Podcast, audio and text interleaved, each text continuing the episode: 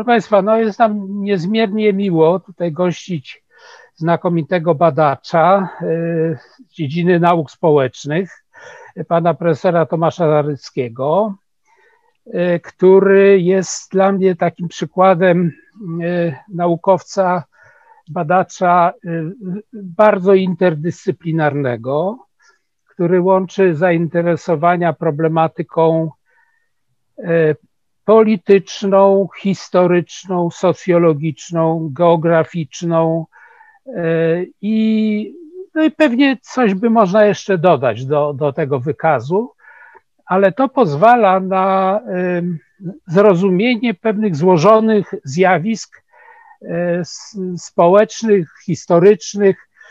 I przykładem takiego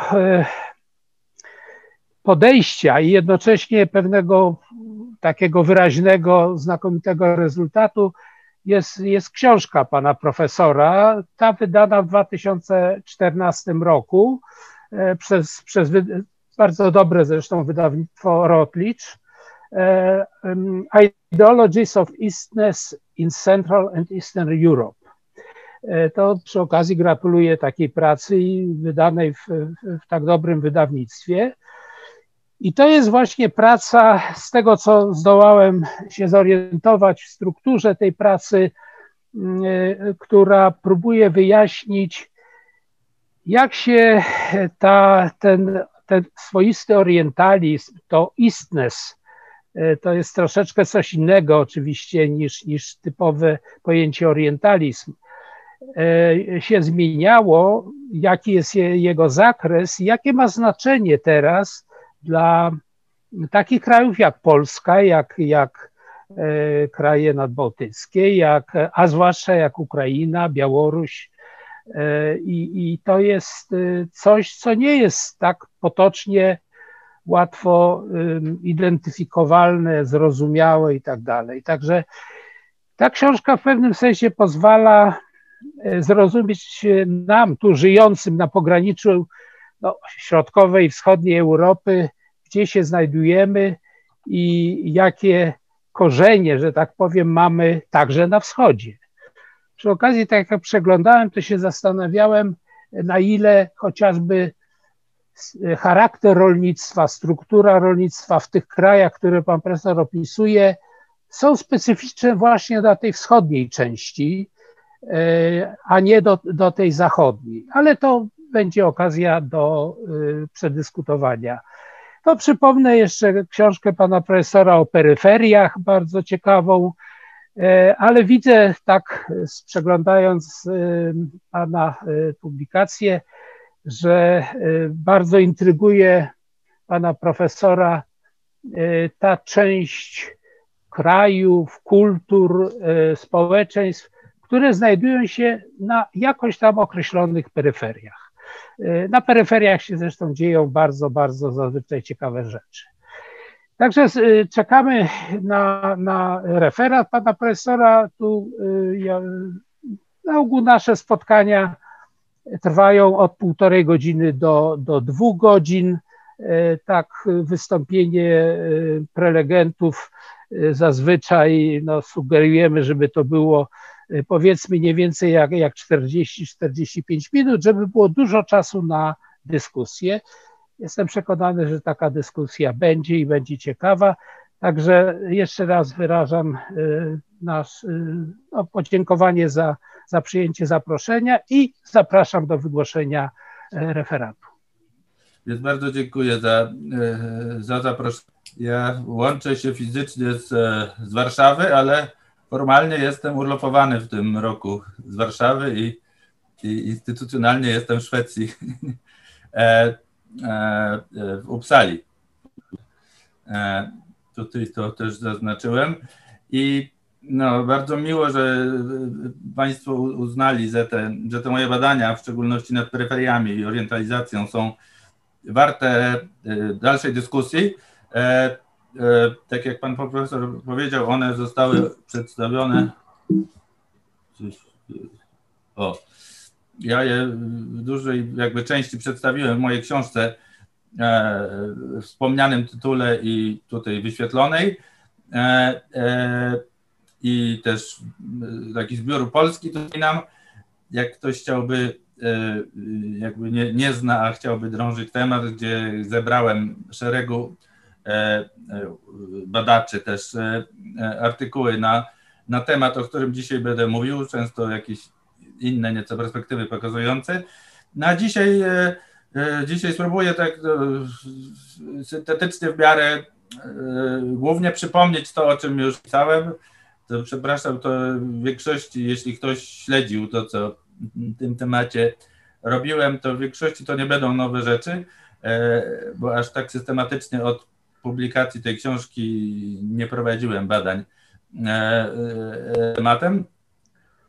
No ale cały czas nad nim myślę, bo E, i, i, i coś tam, e, coś nowego dodaję, bo, bo wydaje mi się, że ta, ta, ta, to zagadnienie jest niezwykle szerokie i dotyczy nie tylko Polski Wschodniej, ale w ogóle, tak jak też pan profesor zasugerował, w ogóle tej rzeczywistości dużo szerszej całego regionu, części Europy, w którym żyjemy. I to w dużym stopniu określa różne aspekty naszej, e, naszej rzeczywistości społecznej, politycznej, i więc, więc e, no, mam dosyć obszerną prezentację, pewnie jak zwykle za długą, więc postaram się nie kraczać tego czasu, ale, ale pewnie to będzie związane, że będę trochę skakał po tych slajdach, dosyć gęsto, często zapisanych, jak tutaj, za co przepraszam z góry. A ale no, zawsze się jednak boję, że, że o czymś zapomnę i coś warto jeszcze dodać, to jest e, i potem kończy się w ładowaniu, no ale może uda mi się e, jakoś w miarę kilka ważnych e, rzeczy w sposób w miarę jasny przekazać, więc to jest przypomnienie o Saidzie i orientalizmie, o tych cechach tego wschodu, który on przypominał, znaczy jakby wyróżniał, o tym zacofaniu, o tym, że jest niebezpieczny, bardzo ważne, że, jest wrodzo, że jego problemy są wrodzone e, e, i niezmienne. E, no i potem teoria postkolonialna też bardziej jeszcze, jakby z której część, prawda, to jest inspiracja, czerpie, też zwraca uwagę, że ten wschód mało ma do powiedzenia, raczej inni o tym wschodzie mówią. E, e, I e, i ten schemat orientalistyczny opiera się na takich binarnych opozycjach, e, których tutaj trochę podsumowałem. E, I tych opozycji może być dużo więcej, począwszy od tej geograficznej podstawowej opozycji, którą ja w dużym stopniu wiążę z, e, z, z, prawda, z tymi podejściami zależnościowymi na czele z teorią systemu światowego. To, to powiązanie nie jest takie oczywiste, nie, nie jest przez wszystkich przyjmowane ale, e, ale ja jakby, moja intuicja mi tu bardzo wyraźnie podpowiada, że, że nie jest to jakby powiązanie tego podziału świata w sensie teorii systemu światowego na rdzeń, peryferię, półperyferię, które jest zdefiniowane ekonomiczne przede wszystkim, ono nie jest tożsame z tym kulturowym, to nie jest jakby automatyczne. E, e, e, po prostu kulturowe potwierdzenie różnic ekonomicznych, ale zachodzą tutaj bardzo istotne zbieżności. O tym jeszcze przy kolejnych slajdach powiem. I te, na te podstawowe opozycje binarne nakładają się w różnych kontekstach coraz to nowe. I tutaj na dole właśnie wymieniam ten kapitalizm versus postkomunizm, który, który jest tą opozycją taką naszą, która w dużym stopniu weszła w synchronizowała się z tą taką bazową opozycją e, orientalistyczną istniejącą tam już 100 lat czy, e, e, czy więcej. Prawda, w naszym, w większości naszych, naszych krajów wschodnio, środkowo i wschodnioeuropejskich jest, jest, jest, jest wyraźna taka synchronizacja tego wschodniości z rzeczami, które szeroko rozumiemy komunistycznymi czy postkomunistycznymi, ale to jest dużo bardziej taka lokalna syn, e, lokalne synchronizowanie się schematu orientalistycznego. I tutaj moi, moje inspiracje poza Saidem wymieniam, to jest Larry Wolf, którego mm, zwracam uwagę, że właśnie przetłumaczono na język polski ten pod tytułem Wynalezienie Europy Wschodniej. nasz Iwer Neumann o posługiwaniu się wschodnią tożsamością i węgierski badacz Attila Melech, który pięknie opisał całą tą hierarchiczną strukturę Europy Wschodniej. Te, te, te, te, prawda, to on, nie on jeden, ale on w tej książce swojej On the East West Slope chyba y, w sposób najbardziej systematyczny ten, ten, ten, ten, tą, tą, tą drabinę e, bycia bardziej wschodnim, bycia bardziej zachodnim e, e, tej, tej gry i powiązał to z dzisiaj coraz bardziej docenianym tematem jako jeden z pionierów z kwestią rasizmu, prawda? Tego, że coraz więcej osób zwraca uwagę, że problem rasizmu jest niekoniecznie wyłącznie w takim binarnym e, schemacie, można być identyfikowany, jaki mamy pomiędzy Afryką, Europą czy Azją, ale również w takim właśnie bardzo niuansowym stopniu hierarchizacji, znaczy drobnych, drobnych różnic, które są urasawiane z czym mamy do czynienia właśnie w Europie Wschodniej. Coraz więcej osób na to zwraca uwagę. Ja się tym systematycznie nie zajmuję, ale zwracam e, uwagę e, na ten też rasowy aspekt, e, urasowienie na naszej wschodniości. Ja dzięki, dzięki temu, że ten Larry Wolf został przetłumaczony w końcu po 25 latach na, na język polski, to byłem zaproszony do zrecenzowania go i przypomniałem sobie niezwykle jakby ciekawy element bo, bo, bo mam wrażenie, że to jest niezwykle ważny, że ten oświeceniowy schemat wypracował dwa takie podstawowe modele. Jeden przez Voltera stworzony dla Rosji, drugi przez Rousseau. To jest takie dwa modele bycia na wschodzie, czy, czy jakby dążenia do nowoczesności na, na wschodzie, e, które obydwa można rozpatrywać jako orientalistyczne modele, bo one zakładają, że my tutaj na wschodzie jesteśmy nienowocześni, że mamy zadanie do wykonania, czyli jakieś tam kiedyś dołączenie do tej zachodniości, a na razie musimy się jakoś zmagać z tą swoją gorszością. E, no i on właśnie w tym e, Wolf pokazuje, że, że Wolter w sumie zaprojektował do dzisiaj trwający dla Rosji taki model, że no to zmaganie wymaga takiej twardej ręki. I, że, i w Rosji, nie, jak nie będzie takiego naprawdę zdecydowanego e, władcy, e, E, autorytarnego wręcz. To prawda, to oni sobie nie poradzą na tej wschodniej peryferii, bo to wielki kraj i, i, i klimat ciężki i tak dalej, a Polacy najlepiej jak będą walczyć z Rosjanami, z rusyfikacją przede wszystkim, będą się przeciwstawiać barbarii rosyjskiej i chociaż będą ekonomicznie w domyśle jakby zawsze zacofani, ale przynajmniej będą w sercu europejscy i swoją bohaterstwem przede wszystkim wobec rosyjskiej opresji, wobec tej barbarii rosyjskiej no, będą w stanie jakby udowadniać swoją europejską i być, być tymi Europejczykami w sercu. I to jest według mnie fascynujące, jak bardzo ten model Europejczyka w sercu e, jest aktualny. W Polsce według mnie on jest jakby niepodważalny w ogóle, niezależnie wręcz od poglądu opcji politycznej, jaką mamy. To, to, to, to, to, to każdy uważa, że, e, że jest tym Europejczykiem w sercu bardziej e, prawdziwszym niż oponent E, w szczególności rodak, Polak, a już nie mówiąc o naszych sąsiadach. Ale jednocześnie bardzo piękny prawda, model tego europejskości w sercu na Ukrainie możemy, prawda? O, znaczy na Ukrainie się teraz w związku z tą wojną i tymi konfliktami według mnie pięknie się starły te dwa modele bycia Europejczykiem. Ten, ten model właśnie rosyjski, autorytarny i, i model europejski, ten tej Europercu. E, e, więc, e, więc to według mnie pokazuje, jak bardzo ta pozycja naszego regionu jest trwała. E, jednocześnie jak jest związana z zależnością od Zachodu, czy od tego, co Wallerstein nazywa europejskim, ale Zachodu, który wytwarza różnorodne modele na, na, na, naszej wschodniości.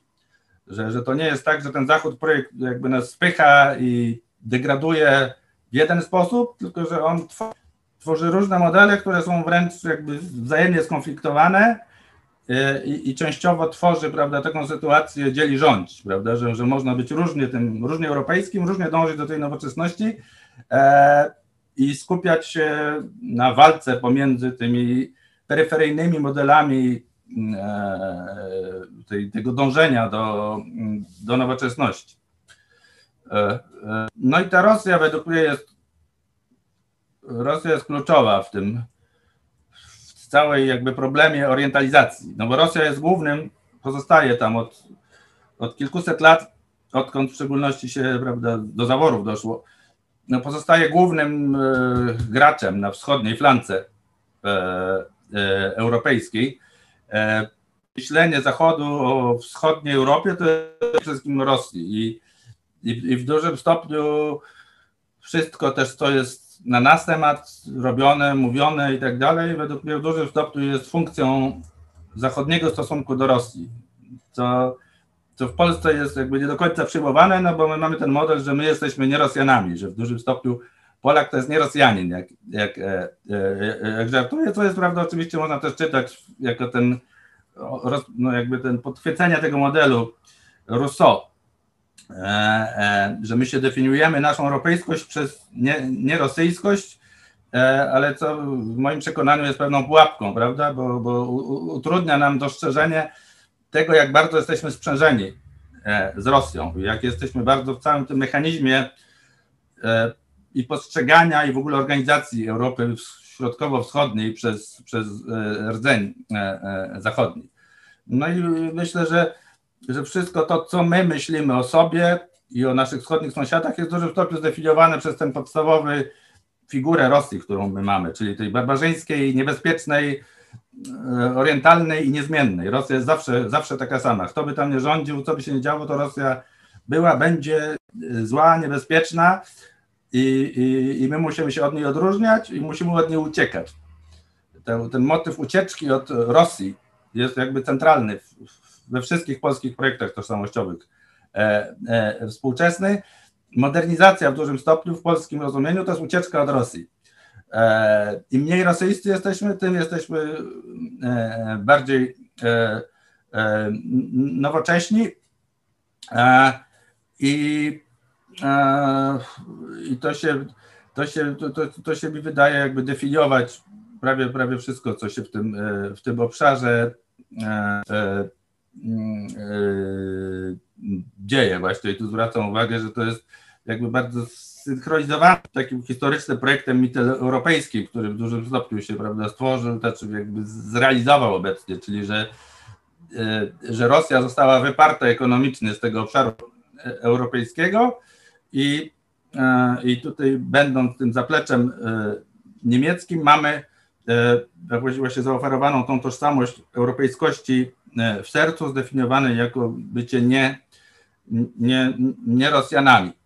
No i ja się cały czas zastanawiam, jaka jest relacja pomiędzy tymi narracjami, tutaj w szczególności tą, tą ramą orientalistyczną, orienta, orientalizującą, tym, tym tą wschodniością i tak dalej, a, a, z tak zwanymi strukturalnymi e, e, e, zmiennymi, w szczególności ekonomicznymi. No i to jest, to jest trudne zadanie, które właściwie jest w, dużym stopniu w sercu współczesnych nauk społecznych i, i nad tym sobie łamią głowę różni teoretycy, jakby jak, jak kultura jest związana z, z ekonomią i z polityką, no i ja się tutaj trochę próbuję inspirować tym Bobem Jesopem e, jego tym podejściem Cultural Political Economy, w którym on sugeruje, że te ramy kulturowe e, są w dużym stopniu używane przez struktury ekonomiczne, ale nie można mówić tutaj o takim jednoznacznym używaniu w sensie,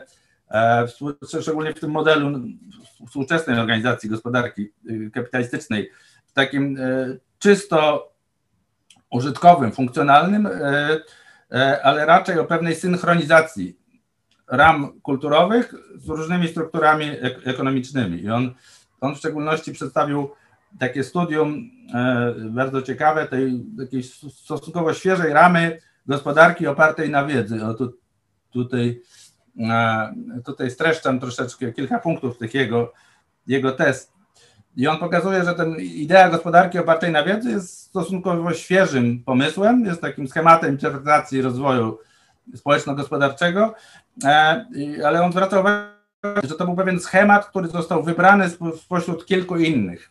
Że on ma bardzo wyraźną użyteczność, że został w dużym stopniu zaprojektowany w celach legitymizacji interesów ekonomicznych, no, głównie Stanów Zjednoczonych i tych najbardziej rozwiniętych krajów. I ze względu na E, dowartościowania się w stosunku do konkurentów e, e, z Azji Wschodniej, Chin i, i innych krajów dynamicznie rozwijających się tak, żeby zdyskontować jak najbardziej konkretne przewagi technologiczne, które jeszcze Stany Zjednoczone utrzymują, ale nie można tego schematu rozpatrywać jako czysto takiej legitymizacji w sposób taki prosty, że po prostu kilku urzędników w Waszyngtonie, czy nie wiem, prezesów firm przyszło, wymyśliło i ogłosiło, że będzie jakby obowiązywać teraz gospodarka oparta na wiedzy i, i koniec. On raczej pokazuje, że, że to powstało głównie w środowiskach intelektualnych, częściowo uczelnianych, częściowo think tankowych i zostało wybrane częściowo politycznie, a częściowo dlatego, że, e, że zarezonowało, jak to się mówi, czyli że się okazało, że jest to schemat, który przemawia do wyobraźni bardzo wielu ważnych aktorów, że oni zaczynają myśleć, że to jest, to jest jakby fajny pomysł, rzeczywiście to, co jest dobre, nowoczesne, postępowe, no to jest w sumie gospodarka oparta na wiedzy, a, a to, co jest mm, przestarzałe, nienowoczesne, e, to, czego nie chcemy robić, to jest ta, prawda, mało dochodowe, to jest taka.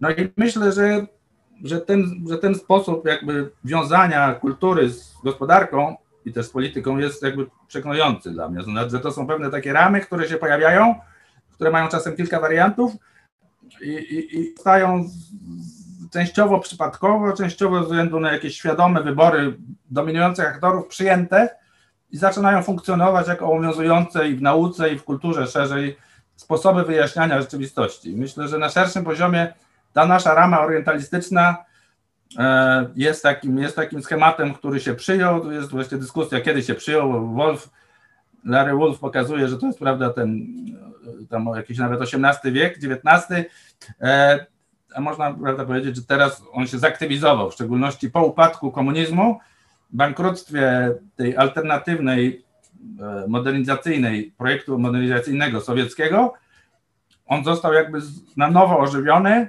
i zarezonował niesamowicie silnie właśnie w tym schemacie, z tym podkreśleniem tego schematu komunizm, postkomunizm jako coś wschodniego, nieudanego, nienowoczesnego, zacofanego, wręcz niebezpiecznego, bo bo, bo Imperium Sowieckie jest agresywne i obecna Rosja też jest agresywna, no i versus to wszystko, prawda, co, co jest postępowe. Więc, więc moje jakby takie myślenie o tym jest, że to jest tego typu, że to jest tego typu schemat, który w dużym stopniu legitymizuje nierówności gospodarcze i polityczne, ale nie jest, nie jest taką no jakby ideologią tworzoną wyłącznie na zamówienie, tylko wielu ideologii, która okazała się najbardziej skuteczna z bardzo różnych e, e, powodów i zaczęła definiować myślenie większości, nawet nas o sobie. E, i no i, i, i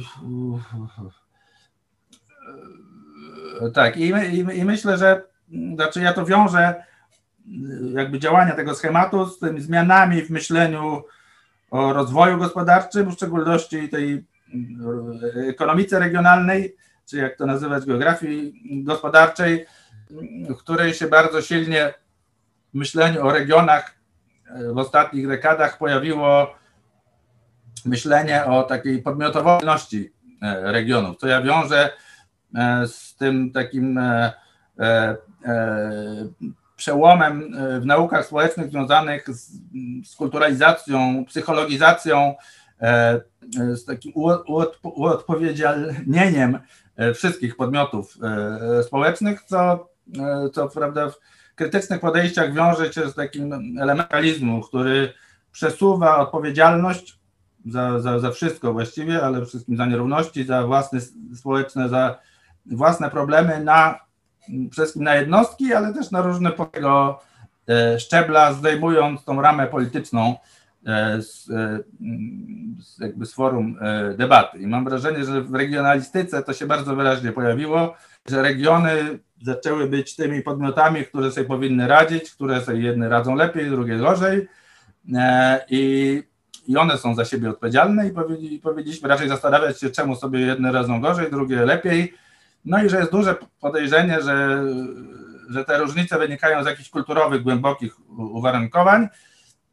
I ten orientalizm według mnie tutaj się znów synchronizował bardzo ładnie, no bo się okazało, że w dużym stopniu regiony w Polsce wschodniej sobie gorzej radzą, zachodniej lepiej jakoś e, o dziwo, no i, no i być może właśnie ten schemat orientalistyczny tu działa, no i szereg tutaj specjalistów go podchwyciło, co według mnie jest zgodne, jak tutaj na tym slajdzie wskazuje, jakby z szerszą tendencją, którą na południu Europy mamy, że, że regiony południowe, które sobie dużo gorzej radzą, we Włoszech, w Niemczech, znaczy nie w, Niemczech też, no wschodnie Niemcy, ale Hiszpania, Grecja jako kraj, no ale szczególnie Włochy są ciekawe, czy Hiszpania, bo tam jest wyraźne zróżnicowanie regionalne, więc widać, że to nie jest tylko walka między krajami, ale też gra regionami.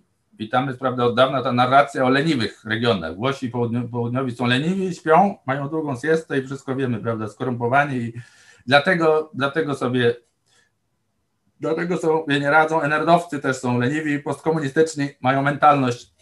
Zresztą dlatego NRD do dzisiaj jest dużo e, biedniejsze od e, e, RFN-u i według mnie w Polsce ożywiła się dokładnie ten schemat, no, który w dużym stopniu jest związany właśnie z tymi ekonomicznymi zależnościami, z tym takim, prawda, tym podziałem na rdzeń zachodnioeuropejski i peryferię.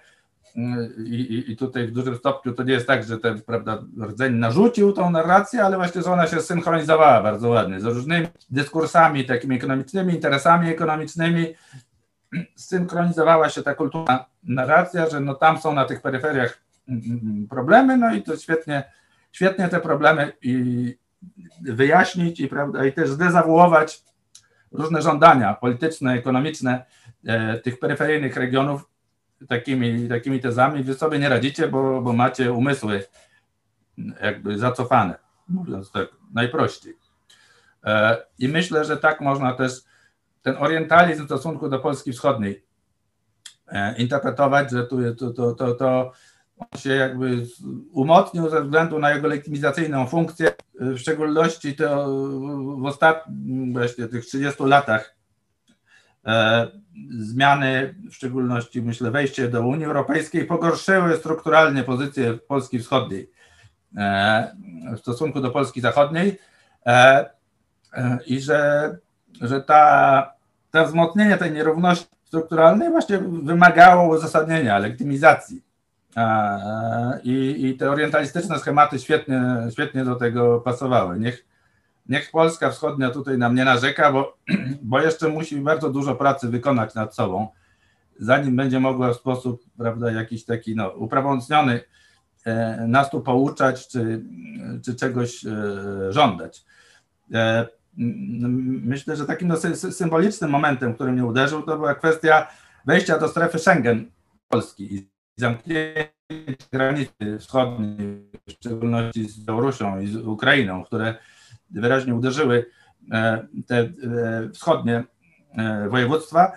Ja na przykład tam przed laty, bo to już będzie 10 lat, jak ja tam jeździłem i przyglądałem się Białystokowi, Lubinowi, Rzeszowowi, to, to na przykład odkryłem dla siebie, to oczywiście jakaś tam pewnie moja nieufność, że ja wcześniej tego nie, nie wiedziałem, ale być może też myślałem, że to nie jest przypadek, że ja się dowiedziałem, że przy wejściu do strefy Schengen Polski były manifestacje w Białymstoku przeciwko e, strefie Schengen i przeciwko zamknięciu granicy, bo i myślę, że o nich nie wiedziałem, bo one nie były nagłaśniane w ogóle w prasie, tak zwanej prasie centralnej czy w mediach e, centralnych. To były głosy, głosy nieważne, jakby te, te protesty przeciwko odcięciu E, Polski Wschodniej od, od, od, od przede wszystkim ekonomicznych, jakby przecięcia tych ekonomicznych kontaktów.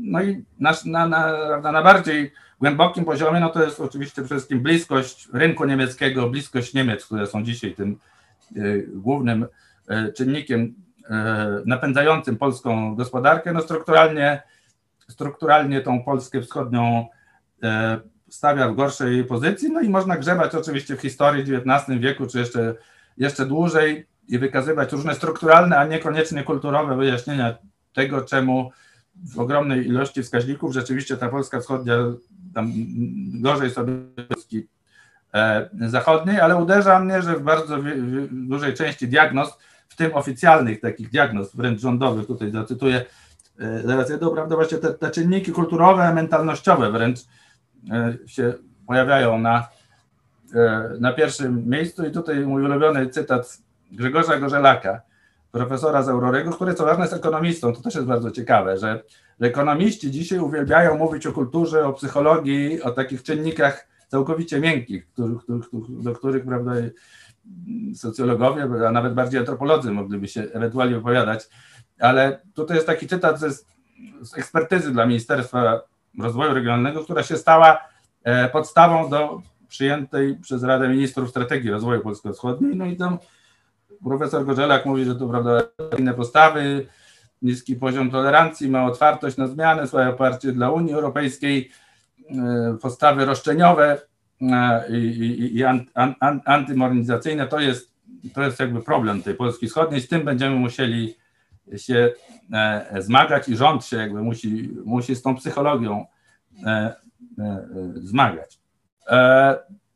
Jednocześnie też zwracam uwagę, że oprócz tej, tego bata, czy jak to nazwać, tej, tej, tej deprecjacji, która jest serwowana e, wschodowi, różnie zdefiniowanemu, czy to wschodowi e, regionalnemu, czy takiemu na, na, na, na dużą skalę, e, to ma, czyli międzynarodową, prawda, to, to mamy też ofertę takich dowartościowania, w szczególności ja tu nazywam ją pozytywnymi wizjami renesansu kulturowego, że ten wschód też ma to jakieś tam ukryte albo nieukryte, ale wartości kulturowe. To jest taka kulturalizacja pozytywna, jako taka kompensacja, nagroda, zachęta, e, e, że on ma jakąś taką egzotyczną, wielokulturowość, sielskość, o którą się powinien zatroszczyć, czyli na przykład sprzedać jako produkt turystyczny, ale generalnie, że to uświadomienie sobie tej egzotyki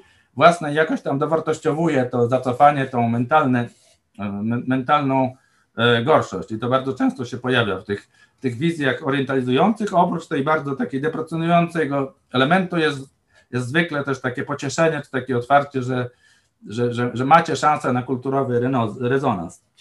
I tu mam mapkę e, taką no, zaborów, której nie muszę nikomu wyjaśniać. Przepraszam, że w angielsku, ale ale to jakby tylko przy, przy, to jest raczej przypomnienie niż, bo, bo myślę, że wszyscy słuchacze yy, no, świet, świetnie znają te problemy zaborów i interpretacji zaborczych. Ja tu tylko chciałem na tej mapce przypomnieć, że mieliśmy ewolucję sceny politycznej Polski około 2000, 2005 roku, kiedy się nam ukształtowała obecny podział yy, ten, yy, polityczny i że to on, on, ta zmiana była związana z ewolucją oczywiście geografii wyborczej. A ta geografia wyborcza jest takim niezwykle spektakularnym generatorem tych dyskursów o, o regionach, takim upolitycznionym.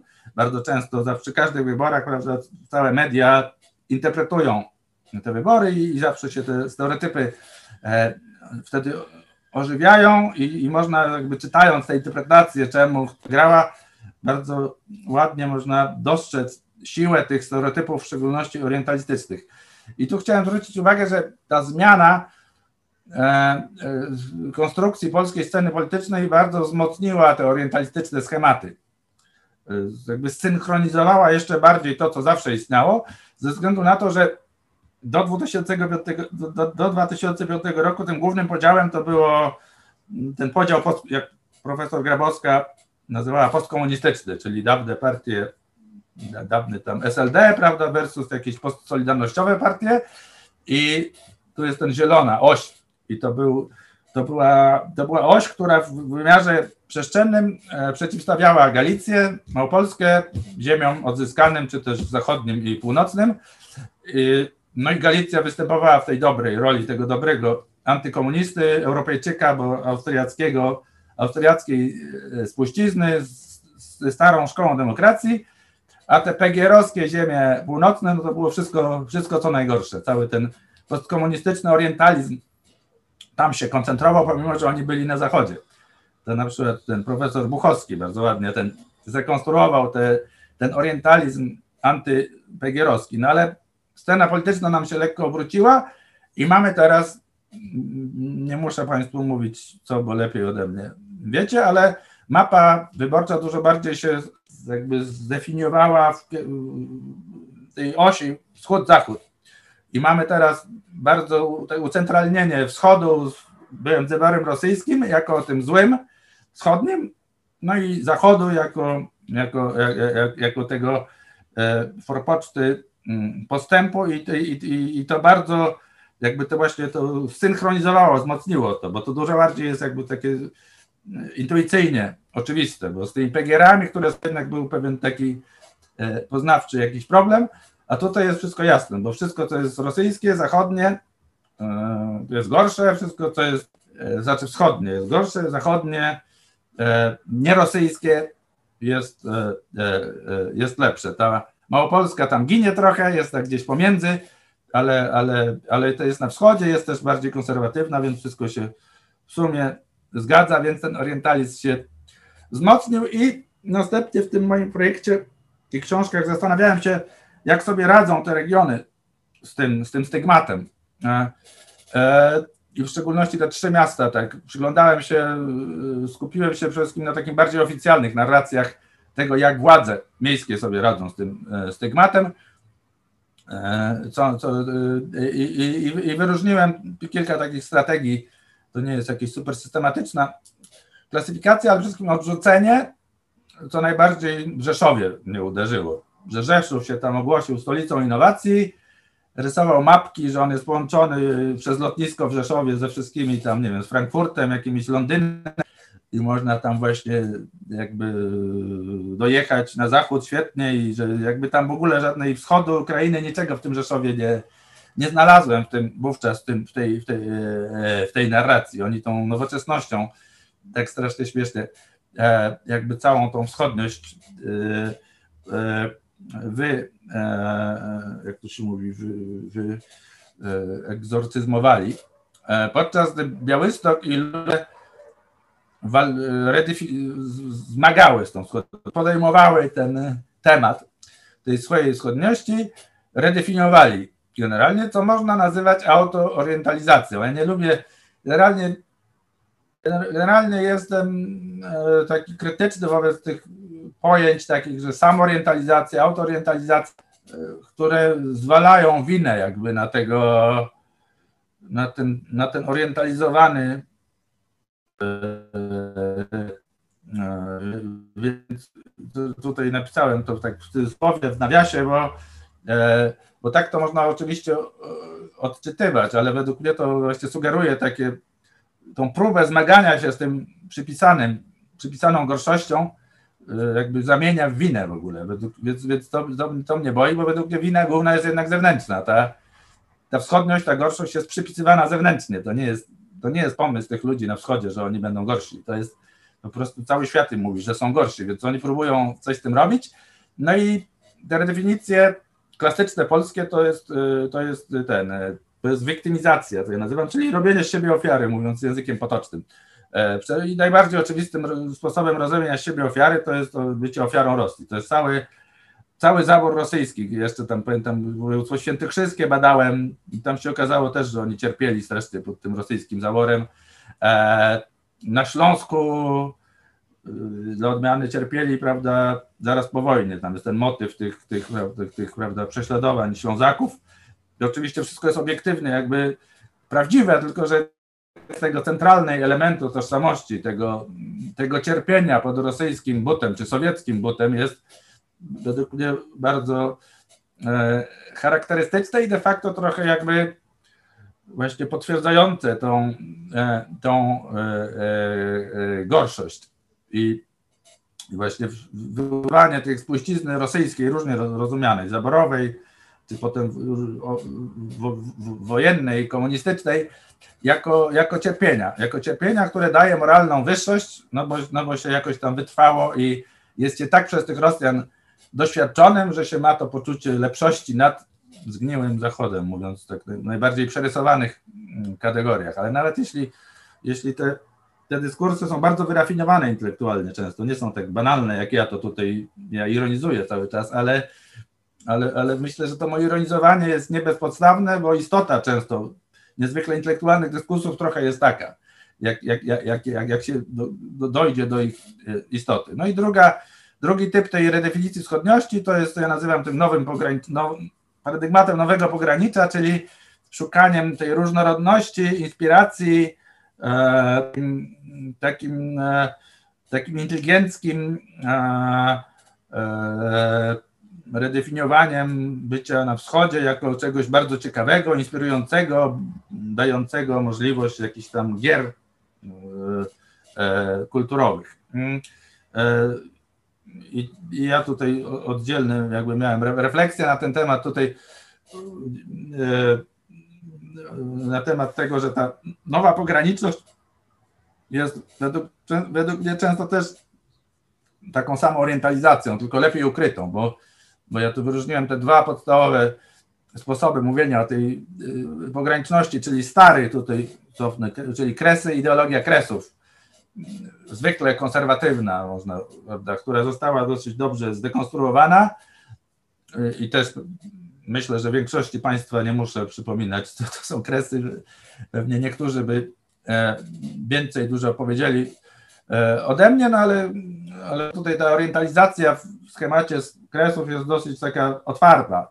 Wiadomo, że, że, że, że sam schemat kresów jest oparty na tej, na, na tej idei przeciwstawienia wschodu i, i zachodu, I ta Rosja jakaś domyślna jest tu niezwykle wa ważna, bo te kresy bronią przed Rosją czy jakąś tam barbarią, są zaprawione w tym cierpieniach, w tej bohaterstwie swojej e, i, i to jest dosyć aktywny dyskurs po tej prawej stronie naszego spektrum politycznego, a po tej liberalnej mamy tą, te, tą ideologię pogranicza, no i obydwie te ideologie, obydwie te, te redefinicje wschodniości ja znalazłem w tych miastach w oficjalnych dyskursach, zarówno tą kresowość, jak i, jak i tą pograniczność, która często jest krytyką kresowości, która zawiera krytykę kresowości, mówiąc, nie, nie, ten kresy to jest orientalizm, to jest konserwatywizm, to jest jakby deprecjonowanie w szczególności naszych wschodnich sąsiadów, bo tam on zwykle to zakłada, prawda, ten schemat kresowych, że,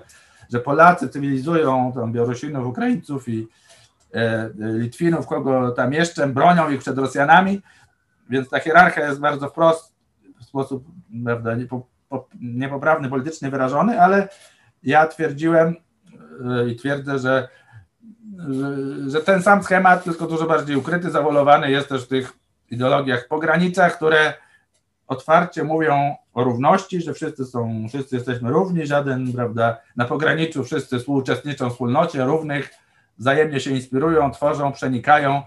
E, e, no ale jak ja tu właśnie zaraz pokażę, jeszcze zdążę krótko, mm, takie elementy, które wyraźnie tę różnicę w sposób już politycznie poprawny, ale w dalszym ciągu mm, y, potwierdzają. No i tu właśnie Lublin, y, gdzie jest prawda, silne y, środowisko takich działaczy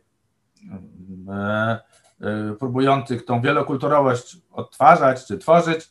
I tu jest mój ulubiony cytat z ich aplikacji o do konkursu o Europejską Stolicę Kultury, który przegrali, no ale próbowali te działania e, planować i tam wielką uroczystość mieli zrobić, spektakl porwania Europy w tym Lublinie, gdzie, gdzie na Placu Litewskim miało być wielkie widowisko pantomimiczne, podczas którego e, tutaj e, w rolę byka wcieli się sztukmistrz wschodu, oprowadzając piękną Europę do Lwowa. Na wspaniałej uczcie godowej, dokona się ze ślubiny wschodu z zachodem, ich świadkami będą spadkobiercy tradycji bizantyjsko-słowiańskich, zafascynowani nią twórcy z łacińskich krajów zachodów oraz wszyscy budujący mosty między tymi dwiema cywilizacjami. Dokonując tego parowania, Lublin zbliży, Lublin zbliży Unię Europejską z Europą Wschodnią, pokaże wspaniałe tradycje duchowe, to jest bardzo ważne. Dzisiejszy wielki potencjał dla współpracy kulturalnej rozładuje lęki i uprzedzenia zapieczętowane po obu stronach, odczaruje mm, granice i tak dalej. Ta ta duchowość jest niezwykle, niezwykle ważna. Dla niektórych to jest duchowość religijna wschodu, no właśnie ten, ten, ten prawosławie, tam różne jakieś jego warianty, a dla niektórych to jest po prostu taka egzotyka sekularyzowana. E, i, i, I w Białymstoku jest podobnie. On nawet to hasło przyjął swoje, takie wschodzący Białystok, czyli czyli twa, jakby odważne przyjęcie tego, tej wschodniości i redefiniowanie jako czegoś pozytywnego. I tutaj z misji, misji, misji misja promocyjna. Wschodzący Białystok jako korzystająca w pełni ze swojego wielokulturowej tradycji brama, to jest ta, ta funkcja pośrednika y, bardzo ważna. Między wschodem i zachodem, centrum transferu ludzi, usług, środków finansowych, idei, nowoczesnego know-how płynących z zachodu na wschód, a jednocześnie miasto otwierające się na duchowość, inspirację kulturową i potencjał gospodarczy wschodu. Więc właśnie tutaj też, też ta inspiracja duchem w zamian za te środki finansowe, kredyty i różne, e, e różne wymierne zasoby płynące z, z, zachodu i ta brama, pośrednik i to jest można powiedzieć jakby też bardzo wiele na poziomie kraju, Polski dyskursu, prawda? Tak samo próbowała też tą Polskę e, pozycjonować jako tego pośrednika. I tutaj e, wyciągnąłem z archiwów takie zdjęcie, które zrobiłem w takiej fundacji. Nie pamiętam nawet tej nazwy, bo ale pewnie nie wypadałoby jej stygmatyzować, ale konserwatywnej, jakiejś kresowej takiej, właściwie kultywującej tej, bo w Białymstoku jest wyraźna, prawda, ta frakcja konserwatywna, która e, E, używa tego dyskursu kresowego i nawet oni mają taki tam, nie wiem na ile to im wyszło i czy to jest aktualne ciągle, ale jak, jak tam byłem, to bardzo wyraźnie oni e, próbowali e, troszeczkę te funkcje jako tej dawnej, jednej z dwóch kresowych stolic, prawda, Wilna i Lwowa, przejmować, czyli że Białystok, który jakby nie miał de facto tych tradycji, ale że ze względu, że się znalazł na, na, na po, po wojnie na granicy wschodniej, no tą zredefiniować się, czy ta frakcja konserwatywna w elicie miejskiej jako, jako miasto kresowe e, e, e, zaprojektować. No i takie, taka fajna właśnie tutaj kartka wisiała, że, że nie mówimy po polsku, po rosyjsku, znaczy mówimy po polsku, po rosyjsku można tylko milczeć. E, i to, to, to, to, to, prawda, to według mnie niesamowicie pasuje do tego schematu, prawda, polskości jako nierosyjskości, jak, jako, jako walki z tym jakąś pod, często podświadomą, wręcz taką, prawda, niebezpieczną ciągotą do rosyjskości, która może być w polskiej duszy, ale, ale że to jest ta pokusa, z której powinniśmy e, uciekać. Że można się tym wschodem, Rosją troszeczkę można się zafascynować, ale nie, nie można nigdy uwierzyć, że Rosja jest jakąkolwiek alternatywą dla czegokolwiek, co jest zachodnie, no, bo, bo to jest jakiś, jakiś taki pokusa niebezpieczna dla, dla naszej cywilizacyjnej jakby takiej e, e, statusu naszego cywilizacyjnego.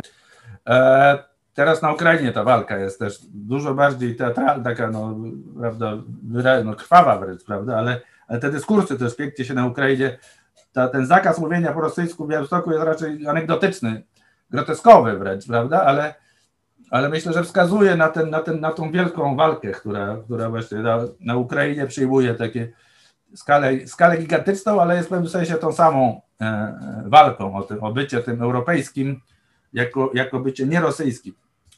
E, no i jednocześnie w Białymstoku to Muzeum Sybiru, to też jest piękny, bardzo cenna inicjatywa, no świetne, muzeum nie absolutnie nie chcę, nie chcę go krytykować, jego wartości. Jakoś ja jeszcze był, jak ja, ja oglądałem, to jeszcze jego nie było. Nawet tej słowo narracji jego tam nie, nie znam i, i zupełnie się nie, nie czepiam, bo nie mam żadnych podstaw, tylko zwracam uwagę, jak się pięknie wpisuje jakby w ten wiktymizacyjny model, że prawda, to jest, wywó- to jest cierpienie, wywózek. E, to bycie ofiarą, takie, prawda, tak, tak, tak, taka moralna wyższość wynikająca z tego, z tego najgłębszego poznania tej rosyjskiej i sowieckiej e, opresji, która buduje tą białostockość jako coś moralnie głębszego od na przykład zachodniej Polski, która tam prawda, fascynuje się niemieckimi gadżetami, ale cóż, cóż poza tymi jakimiś oczywiście Sybirakami z Kresów i tak dalej, ale cóż, cóż ci powierzchownie zafascynowani Zachodem i Y, prawda, mieszkańcy Polski zachodniej wiedzą o, o istocie tutaj polskości i, i to już ostatni slajd i, i, i kończę, to jest no, moja refleksja nad tym, jak są te różne historyczne szczególności wielonarodowe izny niepolskie wy, wykorzystywane. I, i zwrócił, że że no właśnie tak jak mówiłem, że konserwatywna opcja, właśnie te dyskursy kresowe, właśnie nawet sztuczne tworzenie tej kresowości, czasem to ma fajne takie wymiary czysto y, rynkowe, które synchronizują się z tą ideologią taką polityczną, w sensie, że kuchnia kresowa jest rozwijana w Białymstoku jako, jako produkt rynkowy i on się, prawda, synchronizuje z polityczną ideą nowych, e, e, no, no, no, no nowych kresów. E, sybirackie różne e, cierpienia i z drugiej strony dyskursy liberalne używają bardzo często żydowskiej spuścizny, bo prawda, duża część tych miast, w szczególności Białystok to w największym stopniu, ale Lublin, prawda, mają piękną kartę e, żydowskich społeczności, która się zapisała w ich e, historii. I te liberalne środowiska w tych miastach z dużą pasją tą, tą żydowską przeszłość, muzea, różne spektakle, e, budują w Białymstoku te wątki tatarskie, e, są eksponowane w sposób e, dużo większy do ich realnej wagi. Troszeczkę romskie się pojawiły, ale w Białymstoku zauważyłem, że był spór co do tej, na ile, na ile tych Romów należy reklamować.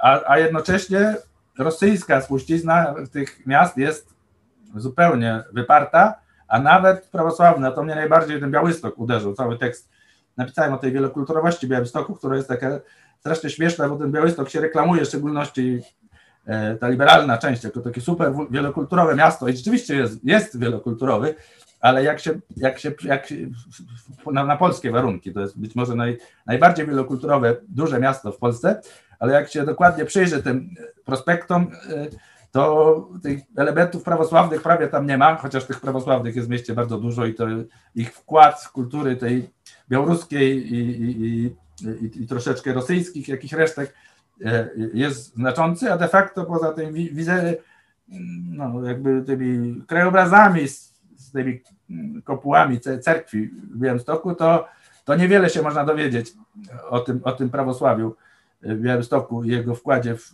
w kulturę współczesną. A, a zupełnie no, fascynującym właśnie wątkiem dla mnie jest wyparcie rosyjskości w jego stoku.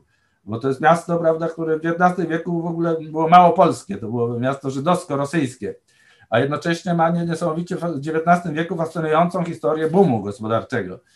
I, i ja to no, zauważyłem na no, licznych osób, które się fascynowały tą industrialną, taką, prawda, e, E, historią tego nie tylko przemysłu, ale finansowej takiej nie, nie, nie, nie kariery rozwoju spektakularnego, krótkiego co prawda, no ale jednak e, bezprecedensowego Białegostoku, to był znany pisarz polsko-białoruski i on, on, on pięknie pisał właśnie o tym, o, o, o, o, o tym wiel, wielkim świecie białostockim, który istniał krótko w tym e, mieście kosmopolityczno-takim biznesowym, e, który jest wspaniałą narracją, prawda, i taką zupełnie nieorientalistyczną, czyli pokazującym, że, że, że to była wielki świat, wielki biznes, wielki postęp, jakby oczywiście zawsze to można deprecjonować, ale ten Białystok to nie, może nie był, nie, nie, był Manchesterem i tak dalej, ale, ale jednak był, a tego w ogóle nie ma. To jest niesamowite, prawda, jak, jak te wątki rosyjskie są w ogóle nie, w Białymstoku zupełnie zupełnie e, e, nie, nie, nie, nieobecne.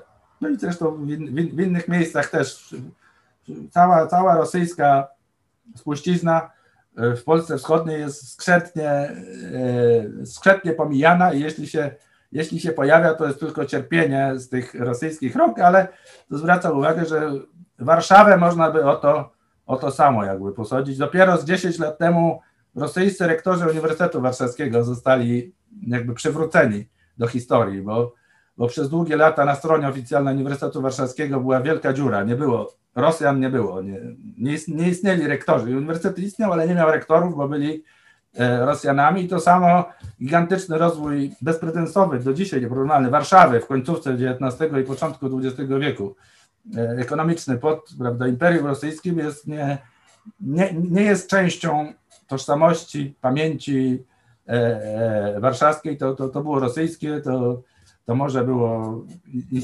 gospodarczo, ale, ale my jakby wolimy pamiętać o powstaniu, o cierpieniach, o wywózkach, o ilu, ilu nas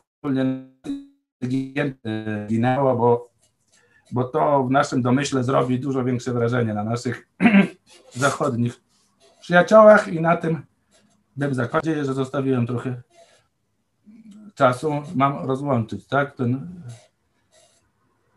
Dziękuję bardzo. Dziękuję. To, była taka, bardzo obfita strawa intelektualna i, i y, liczba wątków, problemów, zjawisk jest, jest olbrzymia. No ale taka jest y, problematyka pana książki i pana zainteresowań i daje to też y, świetne pole do, do dyskusji i otwieram dyskusję. Y, proszę przy okazji sygnalizować tam imię i nazwisko, bo nie zawsze jest w pełni to pokazane na ekranie. Bardzo proszę, kto z Państwa chciałby Profesor Grzegorz Gorzelak, widzę, się zgłasza, tylko musi mikrofon włączyć jeszcze. Słychać? Bardzo proszę, Grzegorz. No, z przyjemnością wysłuchałem referatu mojego byłego kolegi z Euroregu. Witam Cię Tomku. Cześć. Ponieważ y, na zasadzie uderz stół, to Gorzelak się odezwie, no to oczywiście, ponieważ byłem przez Tomka wywołany, to się odniosę do kilka tez. E, cytat, który wy, wymieniłeś, oczywiście był e, dobrze przedstawiony, ale to był element szerszego kontekstu. To znaczy, e, jak myślę, piszę, mówię o Polsce Wschodniej, to zawsze pokazuję po pierwsze, że Polska Wschodnia jest w taki czy inny sposób upośledzona przez historię. Podobnie jak południowe Włochy, podobnie jak BNRD, do czego za chwilę też wrócę, że y, już od późnego średniowiecza procesy modernizacji zatrzymały się na Wiśle Pokazujemy często, że na przykład nie, styl romański nie przekroczył w zasadzie Wisły, że klasztory nie przekroczyły Wisły, że procesy urbanizacji zatrzymały się na Wiśle w późnym średniowieczu. E, plony, jak Fernand Brodel wskazywał, były zawsze niższe dwu, trzykrotnie na wschodzie i na zachodzie i tak dalej. Czyli element historyczny, który się w bardzo wielu zjawiskach uwidocznia. Uwidocznia się oczywiście także w układach kulturowych, ale w równie dominującej mierze w sferze materialnej, w niskim e, umiastowieniu, w niskim wyposażeniu w infrastrukturę, w odmiennych strukturach społeczno-zawodowych, przy małym uprzemysłowieniu, przy znacznym udziale ludności rolniczej i tak dalej, i tak dalej. Oczywiście do tego dochodzą te wymiary, jak mówię, kulturowo-świadomościowe. I ja bardzo często mówię, że mamy do czynienia z syndromem. I szkoda, Tomek, że wyjąłeś tylko jeden element tego syndromu, nie pokazując, że ja to zawsze traktuję jako pewien złożony kompleks zjawisk. Co więcej, piszę, że te różne wymiary tego syndromu się wzajemnie wspomagają i warunkują. Czyli mamy do czynienia rzeczywiście z postawami bardziej zachowawczymi, z mniejszymi postawami modernizacyjnymi, z większą niechęcią kiedyś do Unii Europejskiej i z gorszym funkcjonowaniem samorządów, o czym też za chwilę. Czyli jest to pewien syndrom kulturowo wartość y, y, aksjologiczny i pokazujący się również w zachowaniach politycznych, który raczej działa na niekorzyść przyspieszenia rozwoju gospodarczego. E, kiedyś był taki kongres Polski Wschodniej, gdzie Zyda Gilowska mnie zaprosiła, bo miała oczywiście tamte kontakty bardzo silne, gdzie w jakiś sposób przeciwstawiłem się skutecznie proponowanej wtedy deklaracji tego kongresu kierowanej do premiera Buzka, która była napisana wokół takiej oto konwencji byliśmy biedni, jesteśmy biedni, będziemy biedni, należy nam się pomoc, na takie wyrażenia byliśmy biedni, staramy się z tej biedy wydobyć i należy i prosimy o pomoc naszych starań. To była taka e, dążenie do przełamania tego właśnie syndromu takiej e, liczenia na pomoc zewnętrzną. To była pierwsza uwaga, czyli to, co wyjąłeś z tego i mojej ekspertyzy, jest, jak mówię, elementem szerszego kontekstu i szerszego syndromu. E, druga uwaga polemiczna e, to jest taka, a jeszcze może wrócę. No NRD, to oczywiście dualizm agrarny Europy XVI-XVII powoduje, że NRD od kilkuset lat, czy te landy wschodnie, były upośledzone i nic dziwnego, że jeszcze pogłębienie upośledzenia przez realny socjalizm spowodowało, że do dzisiaj mają niższą produktywność pracy, mimo ogromnych nakładów zewnętrznych, które tam są kierowane. No południe Włoch to nie jest tylko e, lenistwo i e, dolce vita w promieniach słońca, picie wina i, i patrzenie na ładne krajobrazy, ale to jest również to, co Pat nam pisał, historia od średniowiecza, centralizacja władzy na południu Włoch i pewne oligarchiczna demokracja w miastach, państwach na północy i tak dalej, plus mafia, która to mafia, nie oprócz tego, że jest szkodliwa dla struktur społecznych, to jeszcze e, zakłóca racjonalną alokację zasobów, która to nieracjonalna alokacja zasobów spowalnia proces rozwoju gospodarczego. To znowu są długie konteksty historyczne i też wielowymiarowe, które mają swoje uwarunkowania kulturowe. Jeszcze wracając do Polski Wschodniej, sam przecież pisałeś o gorszym e, wykształceniu, szczególnie ludności wiejskiej, o zasiedziałości. Twoje mapy e, e, wykorzystuje w różnych swoich wykładach. Czyli to jest też element no, długiego trwania i procesów kulturowych. Jerzy, mam jeszcze trzy minuty? Tak, proszę bardzo. Więc teraz co do tych osi dobre, złe.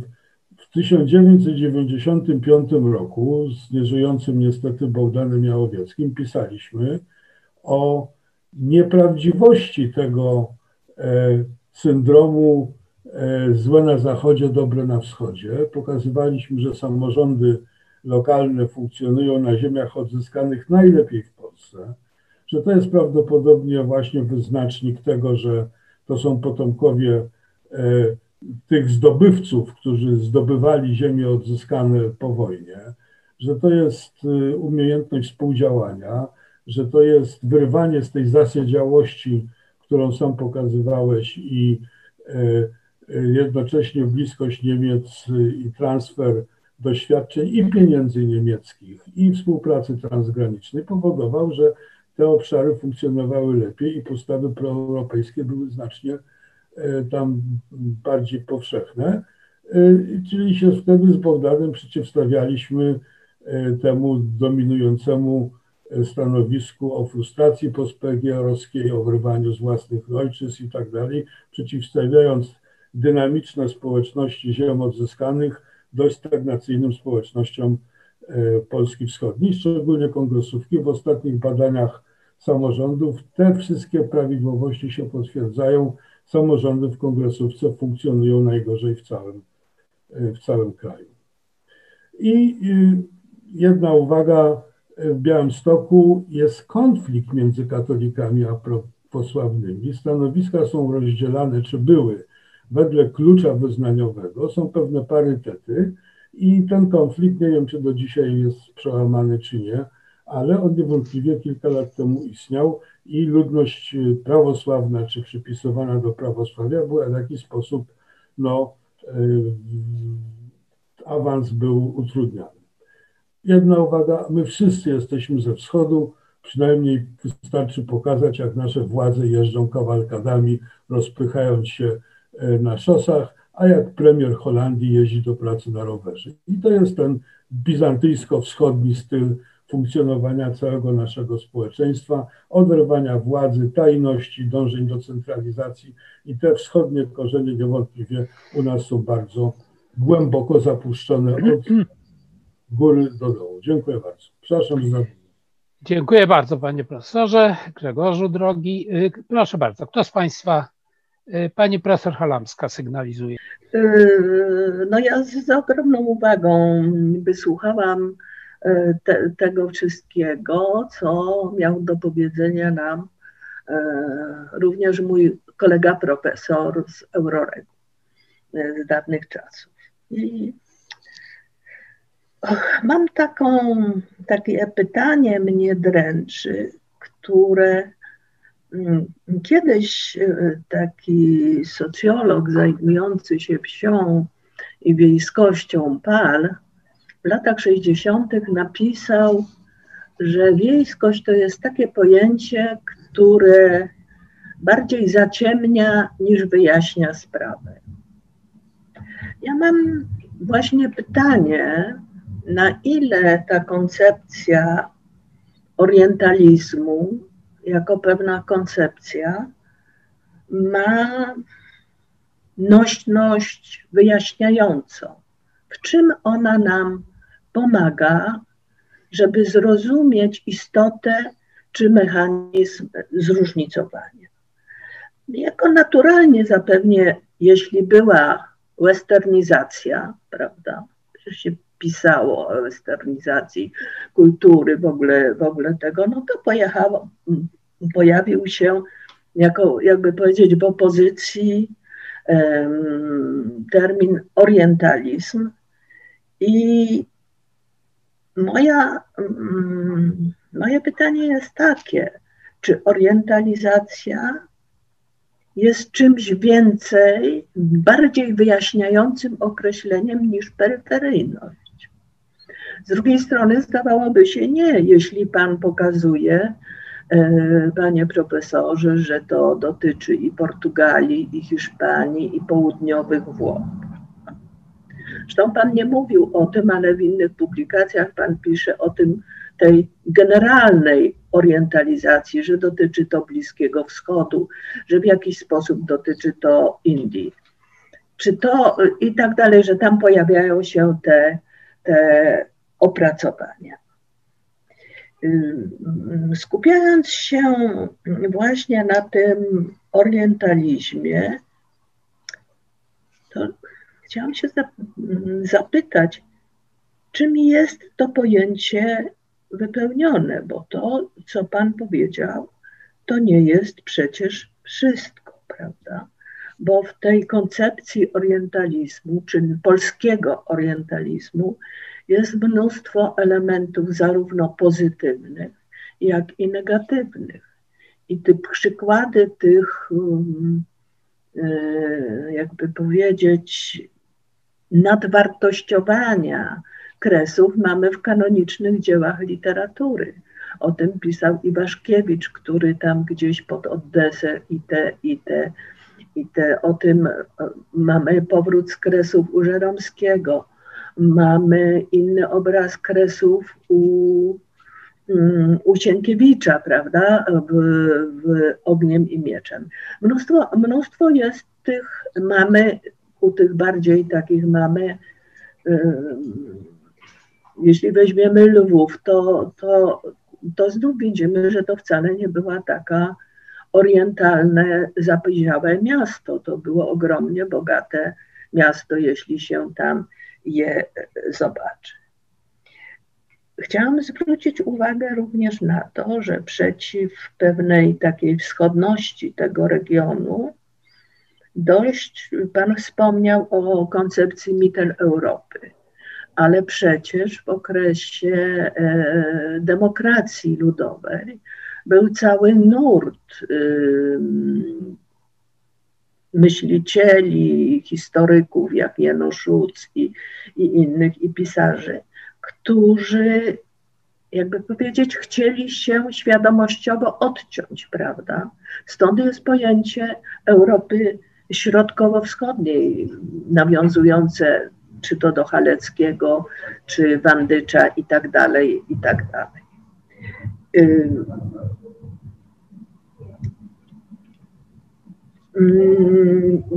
Z innych jeszcze, jeszcze rzeczy, które tutaj nasunęła mi się uwaga, że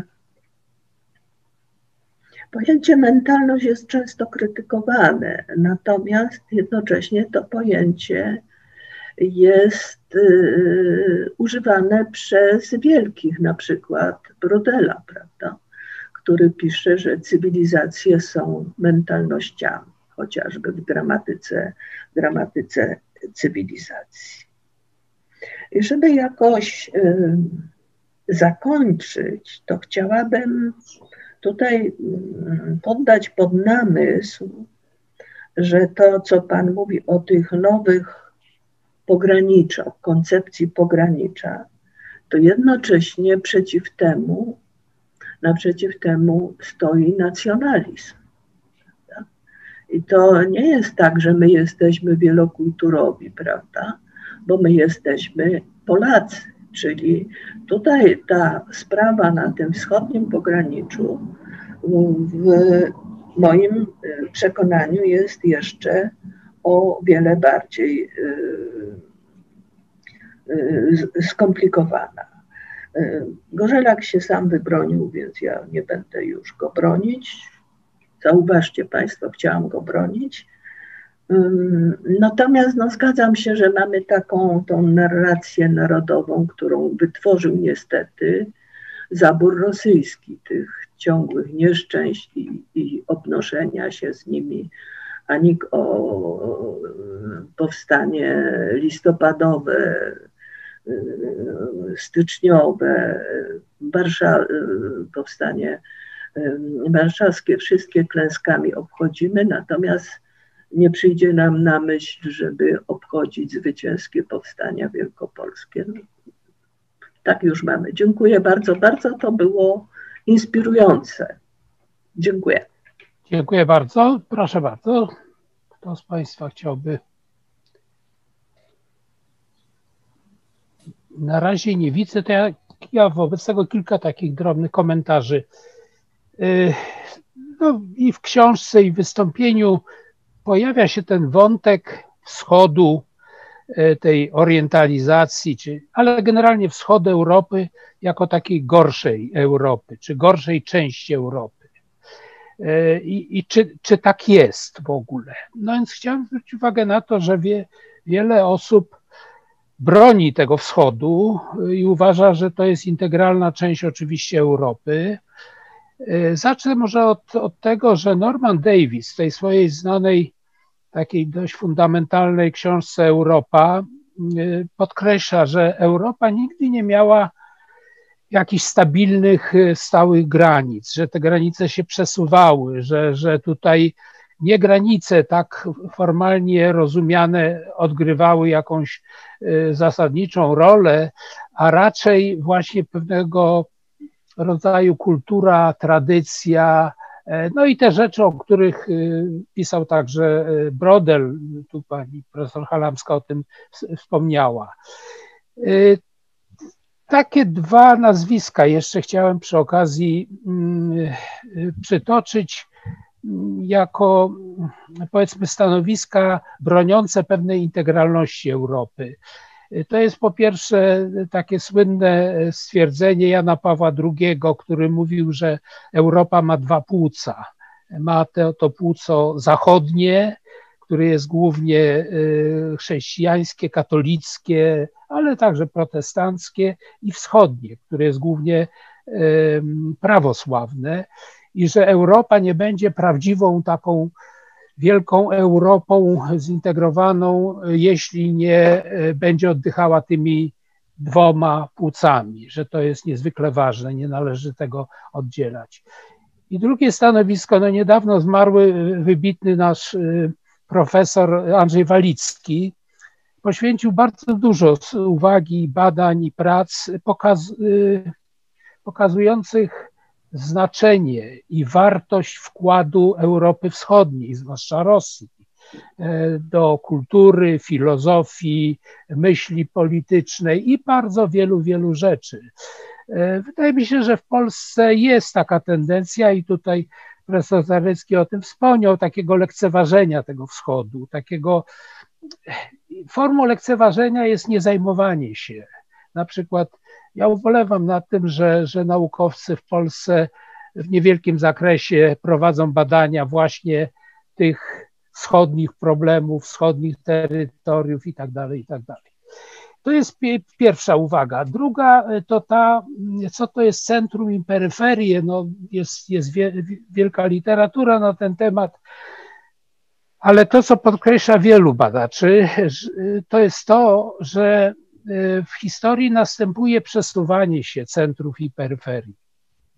I być może za jakiś czas wschodnie tereny Europy będą należały do, do centrum, chociaż ta droga na pewno nie będzie y, taka łatwa i, i ten proces nie. Słuchałem y, profesora Zaryckiego, to pomyślałem sobie, że są pewne takie w miarę trwałe cechy y, wschodu i zachodu Europy, między innymi jeśli chodzi o opresyjność władzy.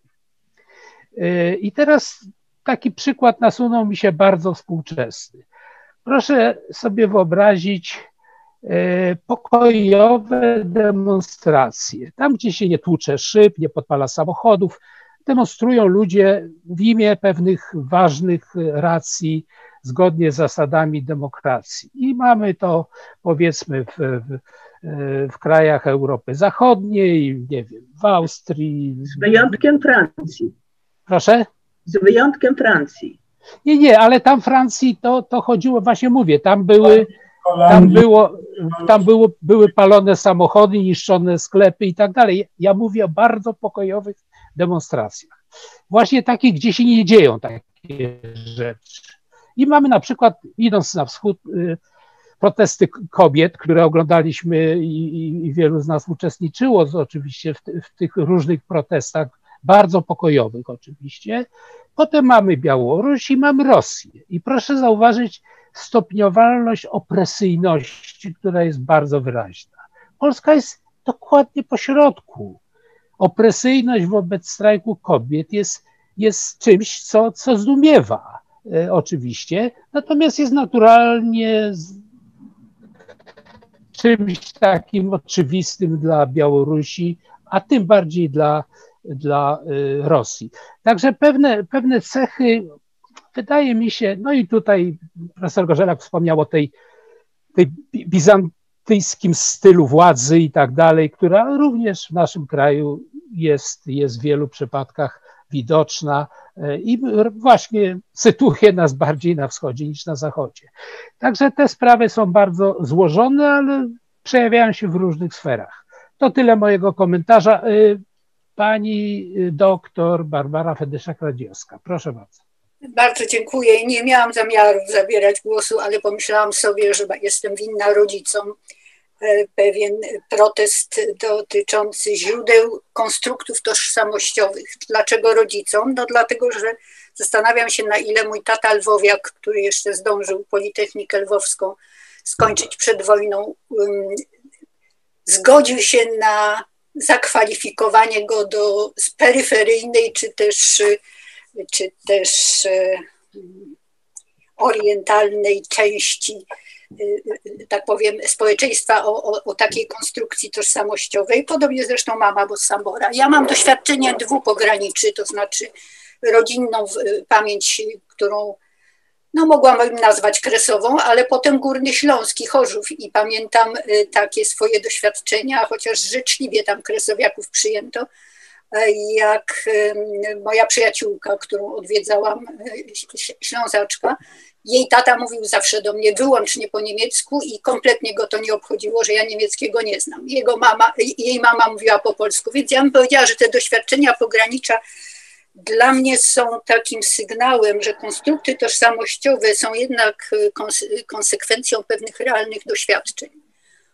I y, jako etnograf myślę, że to prawo głosu tych, którzy autodefiniują w taki, a nie inny sposób doświadczenia swoich społeczności, tych właśnie peryferyjnych czy e, definiowanych jako orientalizm. E, e, że, że dobrze byłoby ich wysłuchać i właśnie jako puentę chciałabym, bo, bo, bo, bo moi kresowi rodzice przeżyli okupację, czyli wpływ wschodu i zachodu w taki mhm. nietypowy sposób, bo najpierw Sowieci, potem Niemcy, potem znowu Sowieci. I pamiętam, że kiedyś jak, zresztą nie będę opowiadała o doświadczeniach, bo, bo, bo, bo, bo doświadczeń dramatycznych z śmiercią w Auschwitz czy, czy zesłaniem na, na wschód, to też tam było trochę i, i tego nie można, że tak powiem, jeśli się jest córką, czy, czy, czy, ma się w pamięci takie doświadczenia, nie można tego bagatelizować jako elementu budowania tego e, konstruktu tożsamościowego i puenta. Pamiętam, że kiedy zaczęli mnie uczyć w szkole historii Polski i kiedy wróciłam do domu i powiedziałam, mamo, oni tu na Śląsku nie mają pojęcia, jaka była historia Polski, tak? No bo, no bo ja miałam w głowie zapisaną tą kresową. E, no, mama na to tam spokojnie mi powiedziała, nie opowiadaj tego, co wiesz od nas, słuchaj i, i, i, i nie wychylaj się nadmiernie. Natomiast ja pamiętam, że zadałam jej bardzo ważne pytanie. Mamo, a a jak wspominasz okupację? Która była gorsza? Niemców czy Sowietów?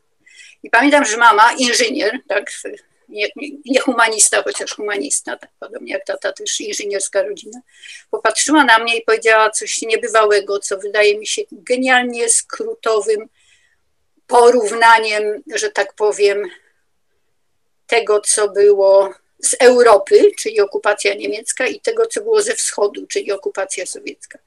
Otóż mama odpowiedziała, niczym się nie różnili, tylko Sowieci kazali sobie za to dziękować. Dziękuję. Dziękuję bardzo. Są dwa kolejne głosy, pani profesor Stany i pani doktor Anna y, Kłoczko. Moniko, proszę bardzo. Tak, już, już, już się włączam. Dziękuję bardzo. Y, dziękuję za referat. Y, bez wątpienia można powiedzieć, że linia podziału Polski i linia podziału pomiędzy wschodem i zachodem przechodzi przez Polskę. Też przecież nie bez przyczyny mówi się, że jesteśmy no jakby krajem najbardziej wschodnim z zachodu, a najbardziej zachodnim ze wschodu. Natomiast moje pytanie do pana profesora, referenta jest taka, czy faktycznie pozycja naszego regionu jest trwała, regionu jako całości. No bo przecież położenie geograficzne jest, można powiedzieć, no, miejscem danym od Boga. My sobie go jakby nie wybieramy. My naszym, naszą historią i naszymi zachowaniami, naszymi procesami możemy kształtować bardziej przynależność w którąś e, stronę, czyli tą właśnie orientalizację w którąś, e, w którąś stronę. I teraz ten podział w Polsce ja obserwuję y, na podstawie wskaźników demograficznych i wskaźników rynku pracy. Kiedyś y, zastanawiałam się, nawet y, taki artykuł popełniłam, nad na ile zachowania prokreacyjne, zachowania demograficzne i związane z pozycją kobiet na rynku pracy właśnie orientalizują nas w kierunku wschodnim czy zachodnim. I natrafiłam na e, artykuł, w którym jakby wykonany jest taki podział Europy, e, podzielony tak zwaną linią Heinala, dzielącą e, akurat przebiegającą z Finlandii do Chorwacji, do Serbii, Chorwacji, i dzielącą Polskę, można powiedzieć tak, odsuwał w kierunku, mm, w kierunku Dolnego Śląska czyli północno-wschodnim kierunku południowo-zachodnim. E, I analizując te wskaźniki demograficzne, e, okazuje się z czasem tych naszych, naszej historii ostatniej, e, no właściwie można powiedzieć 30-letniej, a na pewno 20-letniej po wejściu do Unii Europejskiej, niemalże 20-letniej, że jednak ta linia przesuwa się podziału w kierunku bardziej wschodnim. To znaczy się okazuje się, że już powstają artykuły na ten temat i ten, ta, y, ta linia już z Heinala przesuwa się w kierunku innego autora y, Filipowa. Gdzie raczej ten podział pozostaje na północy, zaczyna się w Finlandii, a kończy się jednak bardziej w kierunku Grecji, Macedonii. I tym samym przesuwa się podział w Polsce, a więc te województwa, które wykazywały bardziej postawy liberalne wobec tych tradycyjnych, czyli zachodnich, gdzie małżeństwo y, na zachodzie y, nie jest powszechną formą związku. Właściwie od 30 lat, 30 lat temu już wskaźnik urodzeń pozamałżeńskich był tam znacznie wyższy w stosunku do y, województw wschodnich, gdzie jednak było to w, w rodzinie wspieranie modelu z obojgiem rodziców pracujących, również na wsi, w stosunku do wschodu, gdzie była ta relatywnie silna akceptacja tego tradycyjnego podziału obowiązków w gospodarstwie domowym. Gdzie z kolei na zachodzie mamy wysoką dzietność tam, gdzie rynek pracy oferuje większe zabezpieczenie społeczne. To nam się akurat te relacje tutaj trochę zmieniają w stosunku do właśnie relacji niskiej i wysokiej e, dzietności.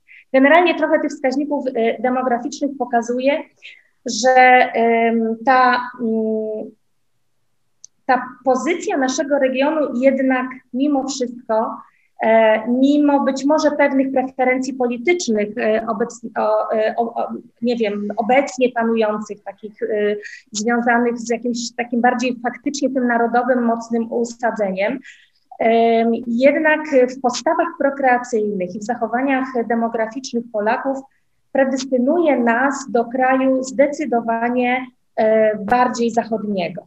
To znaczy ta linia, e, jakby szczególnie tego przebiegająca, jak Pan pokazywał, na podstawie granic rozbiorowych, ona się przesuwa w kierunku wschodnim i już województwo, czy całe warmińsko-mazurskie, kujawsko-pomorskie, e, mazowieckie i województwa śląskie, one wykazują wskaźniki na poziomie trendów, e, trendów e, zachodnioeuropejskich. Generalnie wszystkie te procesy demograficzne posiadają ten sam kierunek oczywiście, ale ich siła zdecydowanie słabsza jest na wschodzie. Czyli pytanie, czy pozycja naszego regionu jest faktycznie trwała? Dziękuję. Dziękuję bardzo i pani Anna Kłoczko, proszę bardzo. E, dzień dobry. Ja mam takie kilka refleksji y, przy okazji referatu, który mi się bardzo podobał i właśnie było dużo wątków. Z jednej strony patrzę na to tak, y, jak mówimy o jakości życia, badamy jakość życia, to mamy tam wskaźniki materialne, niematerialne i, i te finansowe, wyposażenie mieszkania, i również czas wolny, zadowolenie z życia. I patrząc na, z perspektywy pana e, profesora referatu, yy, widzimy, że bardziej zachodnie są niby te wskaźniki, znaczy bardziej zachodnie są te wskaźniki materialne i bardziej Y, bardziej wschodnie są te wskaźniki relacyjne czasu wolnego. I mi się wydaje, że ostatnie kilkanaście, może dwadzieścia lat, jak obserwuję takiego już dorosłego życia, to przesuwamy się trochę w stronę tych zachodnich, bo ludzie miało mniej czasu wolnego, są bardziej zabiegani. Nawet moje badania w czterech wsiach na Podlasiu robione w odstępie kilkunastu lat, kiedy miałam rozwijać z sami, wykazały, że strasznie ich trudno złapać, bo co chciałam porównać z radnym sołtysem y, w roku 2004 łatwo było spotkać, y, udostępnili w każdej chwili, w roku 16 pojutrze, dzisiaj nie mam czasu, nie mam mnie, czyli to nie tylko obserwacja taka własna, ale też z tych badań, że ludzie są bardziej zajęci i bardziej tak samo czytelnictwo literatury pięknej, może dyskusja o, y, o rzeczach takich wyższych, słynne nocne Radeków rozmowy jakoś nam się zagubiły ostatnie 20-20 parę lat, czyli przechodzimy ze, ze wschodu na zachód, samo w życiu prywatnym. To jest jedna refleksja taka, czyli jesteśmy na pograniczu, ale ostatnio bardziej w stronę zachodnim niż wschodnim w moim odczuciu. Druga refleksja na temat roszczeniowości. Takie pytanie zasadnicze, w którym momencie przechodzimy od preferencji większego udziału państwa do roszczeniowości. No nie mówię, że to jest pytanie do pana profesora, ale często jest tak, że ktoś, kto sam ma podejście troszkę bardziej liberalne, na pewnym etapie podejście bardziej, bo ja wiem, opiekuńczego państwa traktuje za roszczeniowy, jako, jako roszczeniowy i też pytanie, gdzie jest ten punkt, kiedy mijamy dyskusję preferencji, a wchodzimy w, o, w ocenę, czy to już jest roszczeniowość, czy po prostu inny, inny pogląd polityczno-gospodarczo-społeczny. To jest takie pytanie zawieszone ogólnie. Oczywiście refleksja, pan profesor y, zauważył, że cytuję, zabawnie. W Rzeszowie wyglądało to, to odnoszenie że się miało połączenie z Frankfurtem, z Londynem. I tu właśnie mm, odniesienie do specjalisty, który zajmował się markami narodowymi, Wally Olins w okolicach 2003-2004 roku pomagał Polsce stworzyć markę narodową i on też głośno twierdził, że tworzenie marki pod prąd stereotypowi budzi rozbawienie i śmiech, bo nikt nie uwierzy, że Niemiec jest romantyczny, a Francuz jest dobrym inżynierem, raczej odwrotnie. Czyli raczej e, chodzi o to, żeby na bazie stereotypu, który jest ugruntowany, tworzyć jego jakieś pozytywne aspekty. I na przykład, e, jeśli chodzi o Polskę, e, powiedział, że Polacy cechuje, on to się wyraził po angielsku, creative tension, czyli twórczy niepokój. Bo jak wszyscy wiemy, gdzie dwóch Polaków, tam trzy partie, a jednocześnie potrafimy naprawiać samochód sznurkiem i patykiem. E, I w ten sposób patrząc, nie idąc pod prąd tego, e, wykorzystywał to jako, jako takie twórcze mm, reklamy marki narodowej Pol Polski. I tu widzę analogię do, te, do tego patrzenia, że, że ta kresowość, to orientalizm to jest właśnie przy, pogranicze kultur, też skorzystanie. Wydaje mi się, że tak jak Pan profesor zauważył, tutaj korzystniejsze dla wizerunku jest korzystanie z, tej, z tego spojrzenia, że to jest wielokulturowy tygiel um, możliwości rozwoju twórczego, niż y, próba pójścia pod prąd i udowodnienia, że Rzeszów jest zachodem Europy. E, dziękuję bardzo. Dziękuję. Teraz pani ja doktor Aleksandra Bilewicz. E, tak? Czy ktoś jeszcze? Jureczku, mnie chyba nie widać. Dobrze, e, to... Ja, ja chciałbym... A, Janusz Rowiński. Dobrze, to po, to po, po pani Bilewicz. Y, kolejnym mm, będzie Dobrze. E, Rowiński. Proszę bardzo. Ja również e, dziękuję bardzo. Ja również dziękuję bardzo za ciekawy referat. I chciałam się tak e, zapytać, czy zastanowić też w odniesieniu w sumie do tego poprzedniego głosu pani Anny Kłoczkowskiej, jak kształtować dyskurs o wschodniości bez orientalizacji jak, jak, czy jest w ogóle taka możliwość, żeby tworzyć powiedzmy bardziej neutralne dyskursy, które no, byłyby bardziej adekwatne dla położenia tych peryferyjnych regionów, bo to jest chyba bardzo trudne, prawda? To znaczy nie, nie popaść w ten orientalizm jednocześnie e, e, nie, e, no nie ulec tej, tej drugiej presji takiej modernizacyjnej, to znaczy nie, nie tworzyć e, na siłę no, no właśnie taki, takiego modernizacyjnego sztafarzu tych regionów. To takie krótkie pytanie miałam. Dziękuję bardzo. I Janusz Rowiński to chyba będzie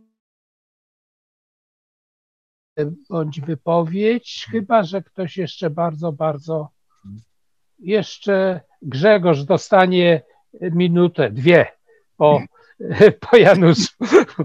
Proszę bardzo, Janusz Żowiński.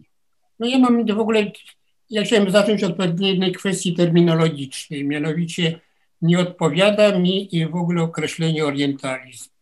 Ja się spodziewałem zupełnie czegoś innego. Dla mnie orientalizm to jest po pierwsze świat arabski, to jest świat chiński, to jest świat hinduski, to jest właściwie świat, prawda, Afryki Północnej, świat, świat islamu, poza tym wielkich religii wschodu, a nie, tak, a nie świat rosyjski.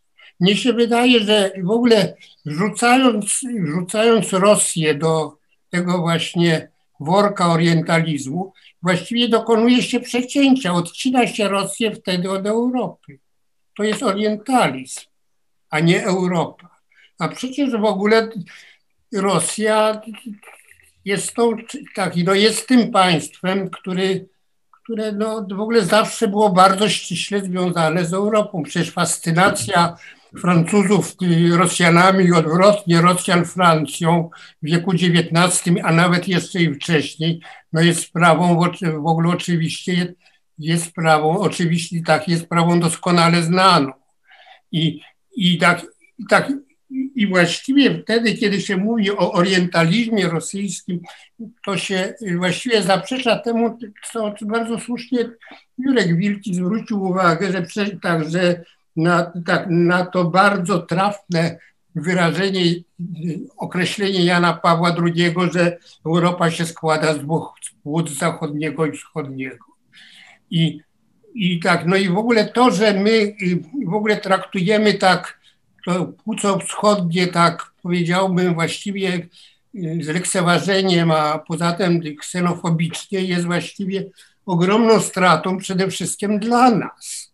Przecież w ogóle Rosja jest przy, przy tak, no, przy, tak, tak, no, przy wszystkich okropnościach swojej historii i w ogóle przy, no, przy całych przy całych okropnościach sąsiedztwa Polski z Rosją. Zresztą w ogóle okropności sąsiedztwa Polski z Niemcami też przecież były w niektórych okresach historycznych w ogóle y, tragiczne, ale przecież Rosja jest, no, no, tak, no, tak, no to naprawdę wkład kultury ogólnoświatową Rosji jest, jest w ogóle niekwestionowany i wielki. Literatura rosyjska jest jedną z największych w ogóle literatur świata, jeżeli nie największą jeżeli sobie popatrzymy na muzykę, tak, prawda, na kompozytorów rosyjskich, to jest poza kompozytorami niemieckimi i francuskimi, no to to jest, no to, to jest, no, tak, to jest znakomita staweczka, także my w ogóle, także my w ogóle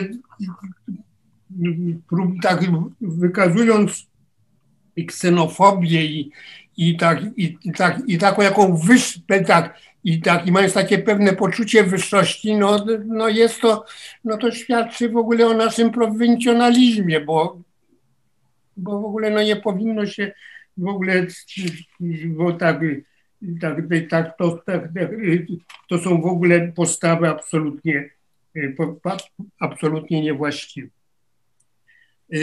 No a jeśli chodzi o tak, a jeśli chodzi już schodząc na ten na obecną tak, na, tak, na obecny stan gospodarki i na to, co się dzieje w regionach wschodnich, no to jest sprawą oczywistą, że tak, no, że, tak, no, że te wschodnie regiony nie mogą się normalnie rozwijać, jeżeli w ogóle stosunki, tak, no, jeżeli będą zamknięte te granice, jeżeli te granice będą będą tak, tak, tak, jeżeli sytuacja polityczna będzie się rozwijała nadal tak, jak to jest w tej chwili, no to właściwie te regiony zawsze będą regionami peryferyjnymi, które będą w ogóle znacznie, tak, znacznie gorsze faktyczne warunki rozwoju niż, niż, tak, niż, tak, niż część zachodnia i tak samo jak część Polski centralnej. Także y, w ogóle no, wydaje mi się, że w ogóle przypisywanie w ogóle y, tej części wschodniej, jak i ludności części wschodniej y, ujemnych takich innych y, tak, innych cech charakteru niż, tak, niż Zachodu jest też chyba przesadne. No przecież pamiętajmy, że, że przez kogo został, tak, tak, przez kogo zostały zasiedlone nasze ziemie zachodnie. No właśnie jeszcze jeszcze, prawda, przez Nowogrodczyznę, Wołyń, Podory i tak dalej, czyli właściwie te ziemie, gdzie, gdzie tak, no, gdzie właściwie te cechy wschodnie powinny tak były, tak, jeżeli były, to powinny być znacznie silniejsze niż na Białostoczyźnie, Lubelszczyźnie czy Rzeszowszczyźnie. Dziękuję. Dziękuję bardzo. To te obiecane dwie minuty jeszcze dla profesora Gorzelaka, zdaje się, tak? Dziękuję. Minuta mi wystarczy. Y, mój przedmówca był uprzejmy y, no, nawiązać do wymiaru globalnego. I mam, Tomek, do Ciebie takie pytanie, czy Daleki Wschód to jest wschód czy zachód? Chiny, Japonia, Chiny, które są w tej chwili dominującą potęgą ekonomiczną. Z punktu widzenia mechanizmów gospodarki rynkowej jest to zachód, z punktu widzenia kultury jest to daleki wschód. No, czy jeżeli wyjdziemy poza ten basen Atlantyku i e, zastanowimy się nad basenem Pacyfiku, to podział wschód i zachód ma jeszcze sens, czy on jest tylko europocentryczny? Dziękuję. Dziękuję bardzo. No chciałbym dać szansę na taką rozwiniętą odpowiedź panu profesorowi Zaryckiemu, bo pytań i komentarzy było sporo. Także bardzo proszę, panie profesorze, teraz znowu scena i mikrofon należy do pana. Bardzo dziękuję za te wszystkie cenne, obszerne i głębokie komentarze. No, to jest wyzwanie odnieść się do, do wszystkich, więc pewnie nie, nie wszystko mi się uda, no ale tak, spróbuję i może od takiej, no, zacząć od takiego meta wyjaśnienia, który być może moją perspektywę jeszcze, jeszcze do, do, do, doprecyzuje, że, że tak jak e, mówiłem, no ja jestem wyznawcą tego Wallersteina, teorii systemu światowego, nie w takim normatywnym sensie raczej, e, tylko, tylko w takim sensie, że uważam, że historycznie zidentyfikował powstanie, prawda, obecnej konfiguracji władzy, własności, polityki, którą tam nazwał tym systemem światowym i cechą systemu światowego historycznej formie, jakiej on istnieje, jest dominacja reguł gry ekonomicznych nad pozostałymi wymiarami życia społecznego, w szczególności nad polityczną wymiarem i kulturowym. No i tu prawda, on, on argumentował, że w szczególności powstanie systemu światowego było momentem przejścia od organizacji imperialnej do ekonomicznej, czyli to można czytać w burgierowskim języku jako zmianę relacji między kapitałem politycznym i ekonomicznym, czyli do powstania systemu światowego był kapitał polityczny, imperialna organizacja świata był dominujący, system światowy oznaczał e, e, przeniesienie w centrum e, e, wymiaru ekonomicznego. I tak jak tam starałem się sugerować, w moim przekonaniu to nie takie, takie odczytanie Wallersteina powinno oznaczać determinizmu ekonomicznego, czyli nie trzeba jakby uważać, żeby nie czytać świata poprzez, poprzez to, że wszystko jest przez relacje e, ekonomicznej nierówności e, definiowane. E, to, to według mnie jest tak, jak ja to czytam. To jest, to jest wskazówka, że, że ten wymiar ekonomiczny jest najsilniejszy i że per saldo on jest tą pierwszą zasadą, która porządkuje, ale to nie znaczy, że przeciwko dominacji ekonomicznej nie ma bardzo często silnego oporu, czy to politycznego, czy kulturowego, wręcz oporu, który wygrywa czasem. No, projekt komunistyczny, cały sowiecki imperium, to było imperium w sensie klasycznym, czyli imperium polityczne, które na kilkadziesiąt czy tam e, lat wygrało na ogromnym obszarze i zawiesiło w dużym stopniu na obszarze swojego funkcjonowania tą prymat e, ekonomii. E, w Polsce ja twierdzę, że inteligencja kulturowo zawiesza trochę prymat i polityki, i ekonomii, ale, ale, ale w skali globalnej, dopóki system światowy istnieje, on może oczywiście zniknąć. Wallerstein mówił, że to lada dzień się stanie, ja nie jestem pewien, ale dopóki on istnieje, to mamy ten prymat ekonomii, który e, określa, że relacje ekonomiczne są jeśli nie przesądzające o, o, o głównej wymiarze nierówności, e, e, to są głównym punktem odniesienia do naszego myślenia o świecie.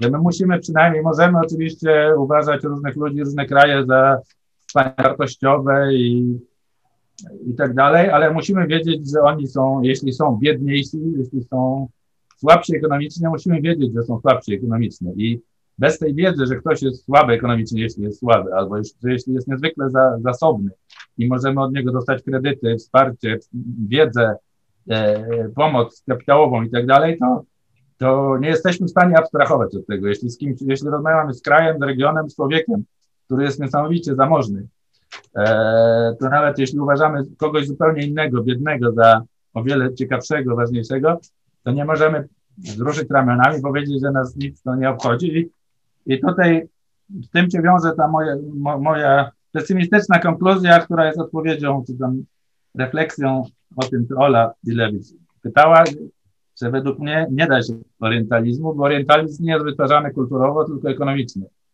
Z nim można, można go łagodzić, można jakoś obchodzić, to i trzeba pewnie, prawda, bo, bo, bo jeśli tylko można unikać, to trzeba tego unikać, ale nie da się wyplenić. I ja tam w konkluzji stwierdziłem, że, że wszyscy jesteśmy orientalistami i musi, nie, nie, nie, nie jesteśmy w stanie nie być orientalistami, no, z względów, które powiedziałem wcześniej, prawda? Nie możemy wzruszyć ramionami na te nierówności ekonomiczne i powiedzieć, no co z tego, że Niemcy są bogatsi, co, co z tego, nic z tego, prawda? Bo my jesteśmy bogatsi duchowo. Tego się nie da, nie da, nie da się zrobić i w taki czy inny sposób musimy się odnieść, nawet zaprzeczając e, e, do, do, tej, do tej asymetrii, która na przykład między Polską a Niemcami istnieje i różnymi innymi e, regionami. Według mnie właśnie to jest ta rama, która organizuje obecny system światowy. Bez tej ramy jakby się nie da, nie da się nic zrozumieć i ta rama organizuje nasze, nasze patrzenie na świat. No i, no i moja w związku z tym właśnie takie przekonanie jest, że, yy, że, że, że, my tu mamy ograniczoną w ogóle podmiotowość, w związku z tym, że ta, ten schemat orientalistyczny jest generowany na poziomie globalnym. To nie jest coś z Europy, z Polski, a nawet z Europy Wschodniej, tylko to jest jakby taki schemat generowany przez, przez ten rdzeń systemu y, y, światowego.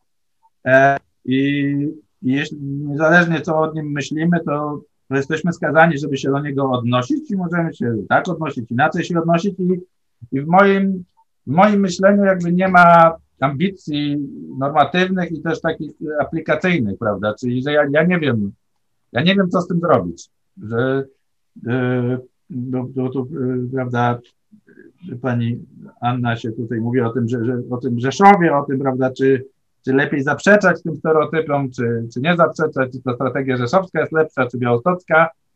Nie, nie, nie. Znaczy, mo, znaczy, może trochę jako człowiek mamy jakieś takie odczucia, czasem bardziej emoc emocjonalnie, tak jak się tam, prawda, o tym Rzeszowie być może e, powiedziałem z jakąś taką ironią, prawda, I, ale, ale jako naukowiec, to może jako człowiek, tak spontanicznie powiedziałem, ale jako taki naukowiec ja się staram uciekać od, od takich ocen. To, to nie jest łatwe, no bo oceniamy podświadomie i cały język jest, słowa są, oceniają, ale, ale raczej bym się dążył do, do, do, do tego, żeby po prostu diagnozować, pokazywać. Tu jest taka reakcja, tu jest tak, mamy takie jakby opcje i, e, e, i one ma, dają różne efekty, ale, ale czy, czy która z nich jest właściwa, to ja, to ja nie wiem, bo jakby to nie, ja nie czuję rolą powiedzenie, co, co z tym problemem robić. Ja mam, jeśli mam ambicję, to, to taką, żeby go lepiej nazwać, żeby zrozumieć, jaka jest jego istota, jak on, jak ta rama funkcjonuje i tu może tak skacząc trochę do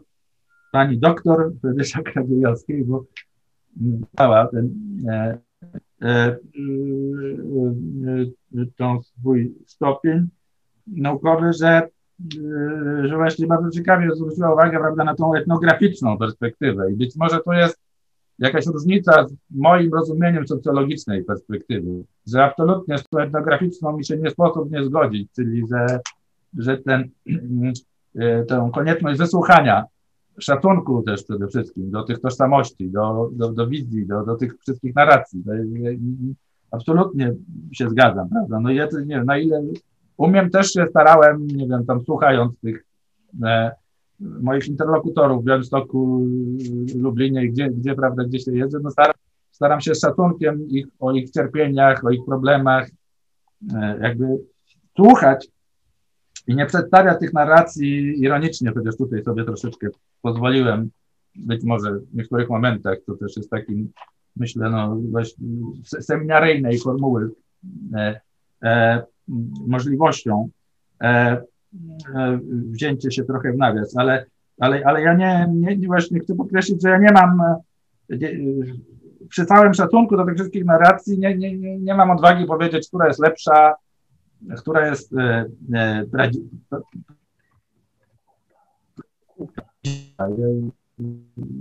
po prostu zwracam uwagę, że istnieje ta rama globalna, międzynarodowa, której jesteśmy, od której jesteśmy zależni, niezależnie od tego, co sobie o niej myślimy. I tutaj ten przypadek Lwowa którą, e, który był, był, dwa razy nawet się pojawił. Pani profesor Halamska też podkreślała, że nie był zapisany. E, no, jak się, jak się przyjrzeć tym, na takiej konferencji byłem w Krakowie, kilka było tam o, o Gali, spuściźnie galicyjskiej, to, to ci historycy Galicji, szczególnie którzy biorą pod uwagę całe imperium austro-węgierskie, no pokazują, że to była peryferii I na przykład tam jest cały taki ogromny wątek, bardzo ciekawy wątek tych urzędników austriackich w szczególności, którzy wyjazd do Lwowa traktują jako e, e, do, do wiedeńskich ministerstw próśb o to, żeby ich z tego Lwowa e, przywrócić, pozwolić im wrócić z tego końca świata. I to jest jakby, prawda, według mnie taka perspektywa europejska, globalna, że to jest koniec, to jest jeszcze Zachód, to Austro-Węgry, ta Galicja, ale to już jest jak można być na Zachodzie. I ci Lwowiacy, i ówcześni, i dzisiejsi, ich potomkowie oczywiście mogą sobie kulturowe narracje o tych, o tych intelektualistach, o kawiarni szkockiej generować i, i one są piękne i trzeba ich, ich słuchać i się kłaniać przed nimi, ale one nie zmieniają relacji, hierarchii ekonomicznych, relacji, relacji władzy, że, że w tej ogólnej hierarchii ten wpływ był względnie nisko i a, a, a dzisiaj w dalszym ciągu jest jeszcze, jeszcze niżej e, e, e, niż był. Taki wątek bardzo ciekawy przez Grzegorza mm, Gorzelaka, tego y, konfliktu w Białymstoku. Mm, y, to jest według mnie y, taka szerszą mam refleksję na temat, bo prawda, ja mówiłem, że ci Białystok nie wykorzystuje, znaczy, że ja bym jeszcze coś popowiadać, właściwie uważał, że tą wielokulturowość można by pełniej w Białymstoku pokazywać, wreszcie tą, tą, tą, tą, szczególnie ten składnik prawosławne, no i Grzegorz słusznie mówi, że tam jest, znaczy nazywa to konfliktem, a ja, ja bym używał słowa napięcie. E, I, i, I zwracam uwagę, że, że to napięcie, które w Białymstoku, w szczególności między tymi społecznościami re, religijnie definiowanymi, można czytać dwojako co najmniej, czyli właśnie jako konflikt, który jest wstydem białostockim i właśnie oni się ukrywają, nie mówią o tym, według mnie to można pokazać jako właśnie napięcie w sposób w miarę cywilizowany, zagospodarowany, że dla mnie ten ich element, ten system parytetów e, we władzach i, i w ogóle jakichś takich niepisanych e, norm tych relacji pomiędzy tymi społecznościami, no jest niezwykle ciekawym, lokalnym sposobem jakiegoś e, prawda, uregulowania tej wielokulturowości, utylizowania jej. Jego cechą jest to, że, że ten sposób się kryje, znaczy, że on nie chce być nazywany głośno.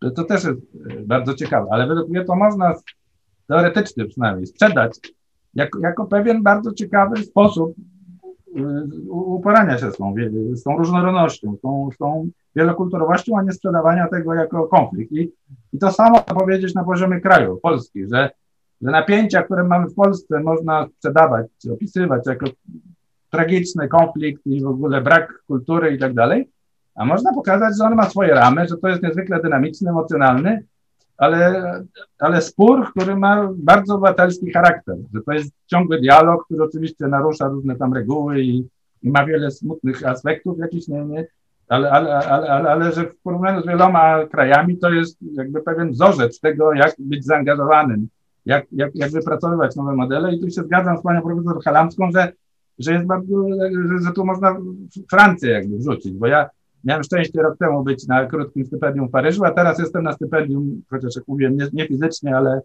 w Szwecji i byłem już kilka miesięcy w Szwecji. I moje wrażenie jest takie, że, że my jesteśmy strasznie podobni do, Francu do Francji, do kultury obywatelskiej Francji. Jak ja byłem rok temu w styczniu w Paryżu, to tam były cały czas manifestacje i to przeróżne, strajki, e, e, blokady też na konserwatywną, ogromną manifestację przez cały Paryż idącą trafiłem. Mój wykład odwołano, dwa nawet odwołano ze względu na te wydarzenia strajkowe, ale cały dzień byłem z, z moimi kolegami francuskimi przed komisariatem stałem. Francuskim, bo żeśmy pilnowali przesłuchań e, naukowców, którzy byli e, oskarżani tam o, o konfrontację z, z policją, e, grozi, groziło im więzienie, więc, e, więc w tym sensie jak pojechałem do Szwecji, gdzie nie ma żadnej aktywności publicznej, gdzie cokolwiek by się nie działo, nie spotyka się to z żadnym publicznym protestem, jest po prostu pełne zaufanie do władzy, takie poczucie, że z władzą się nie dysponuje, bo władza, rząd ma tą mądrość taką, której nie, nie sposób jakby podważyć, bo, bo, bo to jest mądrość naukowa. No to poczułem się, że Polska i Francja, no to są dwa niezwykle podobne kraje, a Szwecja to jest jakiś inny świat.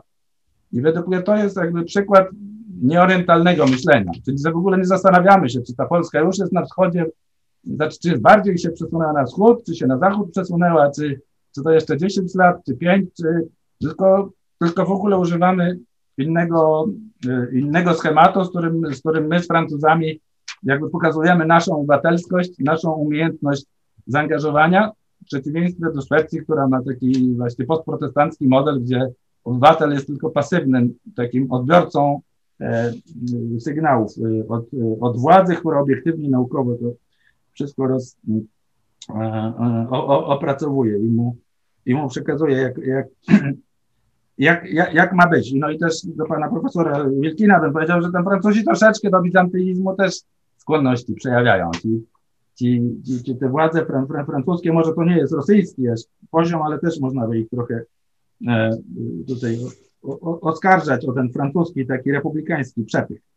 E, mm, no i mm, e, e, tak jeszcze to, to, to ten były pytania bardzo to istotne, prawda, o ten schemat orientalistyczny i czy ten Azja jest, Grzegorz pytał, no to są świetne pytania, tylko ja trochę nie umiem nie umiem odpowiedzieć. Ja orientalizm, tak jak na pierwszym slajdzie pokazałem, no, definiuję, czy używam w tym sajdowskim rozumieniu, jako, jako, jako pewien no, schemat kulturowy, który został opisany przez naukę zachodnią, czyli światową i można się do niego odwoływać. To jest takie poczucie trochę, że, że jeśli coś nie zostało moje, jeśli coś nie zostało dobrze opisane przez zachodnią naukę, to trudno o tym mówić i że najskuteczniejsze sposób mówienia o różnych zjawiskach to jest poprzez odwołanie się do jakichś ram, które tak czy teoretycznie, czy parateoretycznie zostały przez naukę światową, zachodnią opisane. No i tak się stało, że został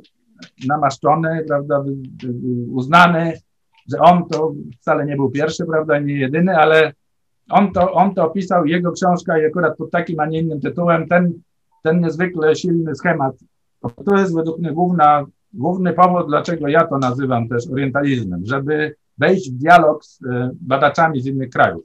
Nie, bez przekonania, że to na pewno jest najlepszy opis i że wszystko, co mamy w Polsce Wschodniej i w Polsce w ogóle, prawda, to jest dokładnie to samo i, i nie ma lepszej ramy teoretycznej, tylko że to jest najlepsza rama komunikacyjna z, ponad granicami, że ten problem w swojej istocie jest jednak bardzo podobny.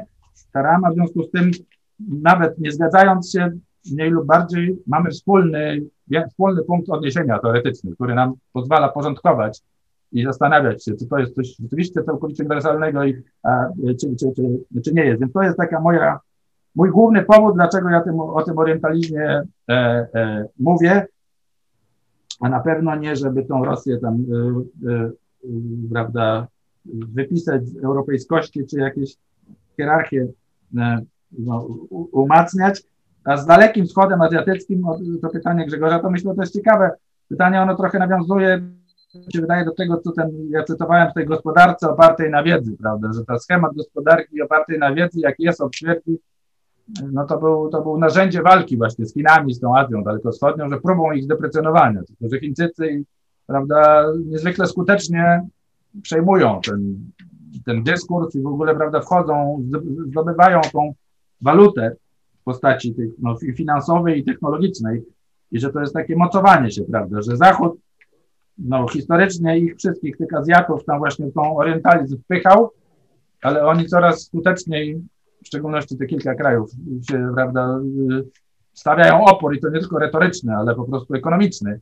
Więc, więc to jest takie mocowanie się, które pokazuje, prawda, granice siły tej, tego orientalizmu. No i ja bym w tej swoim ekonomizmie o który można mnie trochę oskarżać, właśnie twierdził, że, że, to, że to mocowanie się z Chinami pokazuje, jak bardzo cała gra jest ekonomiczna jednak, prawda, że, że to nie jest walka czysto kulturowa, narracyjna, tylko to główne karty są jednak ekonomiczne i tutaj Grzegorzu też bym właśnie no, nie tyle się jakby sprzeciwiał, tylko podkreślał ten wątek no jednak takich no, tych ekonomicznych relacji, asymetrii kapitałowych przede wszystkim, jeśli mówimy o tych Włoszech i, i, i Polsce i, e, i NRD, że to, co ty mówisz i no inne osoby tutaj podkreślały na te różne różnice historyczne, mental, men, ta mentalność tam, prawda, jednak jakoś istnieje, gra, że mafia istnieje, to według mnie oczywiście wszystko jest prawdą, tylko jakby główny mój argument i sposób myślenia jest taki, że, że właśnie to, od czego zacząłem, czyli że jest ta hierarchia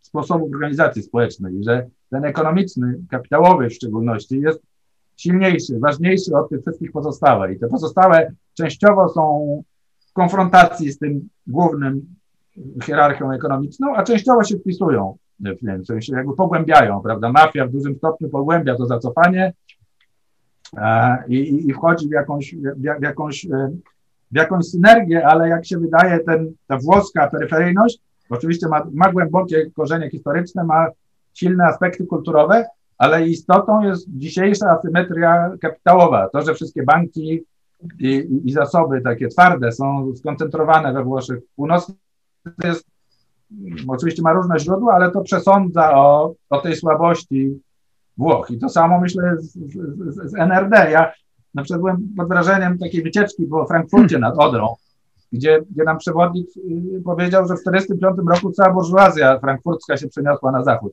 Wszyscy ludzie, którzy mieli pieniądze, była ta możliwość i oni od razu po prostu razem z pieniędzmi, razem z kapitałami wyjechali po prostu, więc to, a przyjechali całkowicie biedni uchodźcy z Prus wschodnich, czy tam z jakiejś obecnej, obecnej Polski e, e, zachodniej, że ten czynnik braku kapitału, który cały się skoncentrował w RFN w 1945 roku, według mnie jest, jest ważniejszy od tych wszystkich innych czynników, co nie znaczy, że te inne czynniki, o których e, mówiliśmy, nie, nie, nie, też nie mają, nie mają znaczenia. No i tutaj jeszcze Grzegorzu, tak się zgadzam, że ty byłeś tym jakby osobą, która broniła przed orientalizmem Polski E, zachodniej. Tutaj w dużym stopniu się e, e, zgadzaliśmy, mm, że ten, że ten w latach 90. Była, ten, prawda, ten dyskurs był, był, był taki no, orientalizujący te były, były, były, były tereny PGR-owskie i, i, i w ogóle polskie zachodnie. No chyba się,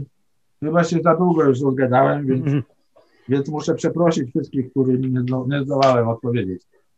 Dziękuję bardzo. Y, mieścimy się w czasie, jest parę minut po pierwszej. E, tu sygnalizuje, nie wiem, Marysia Halamska, ale już chyba. Jedno zdanie. Jedno.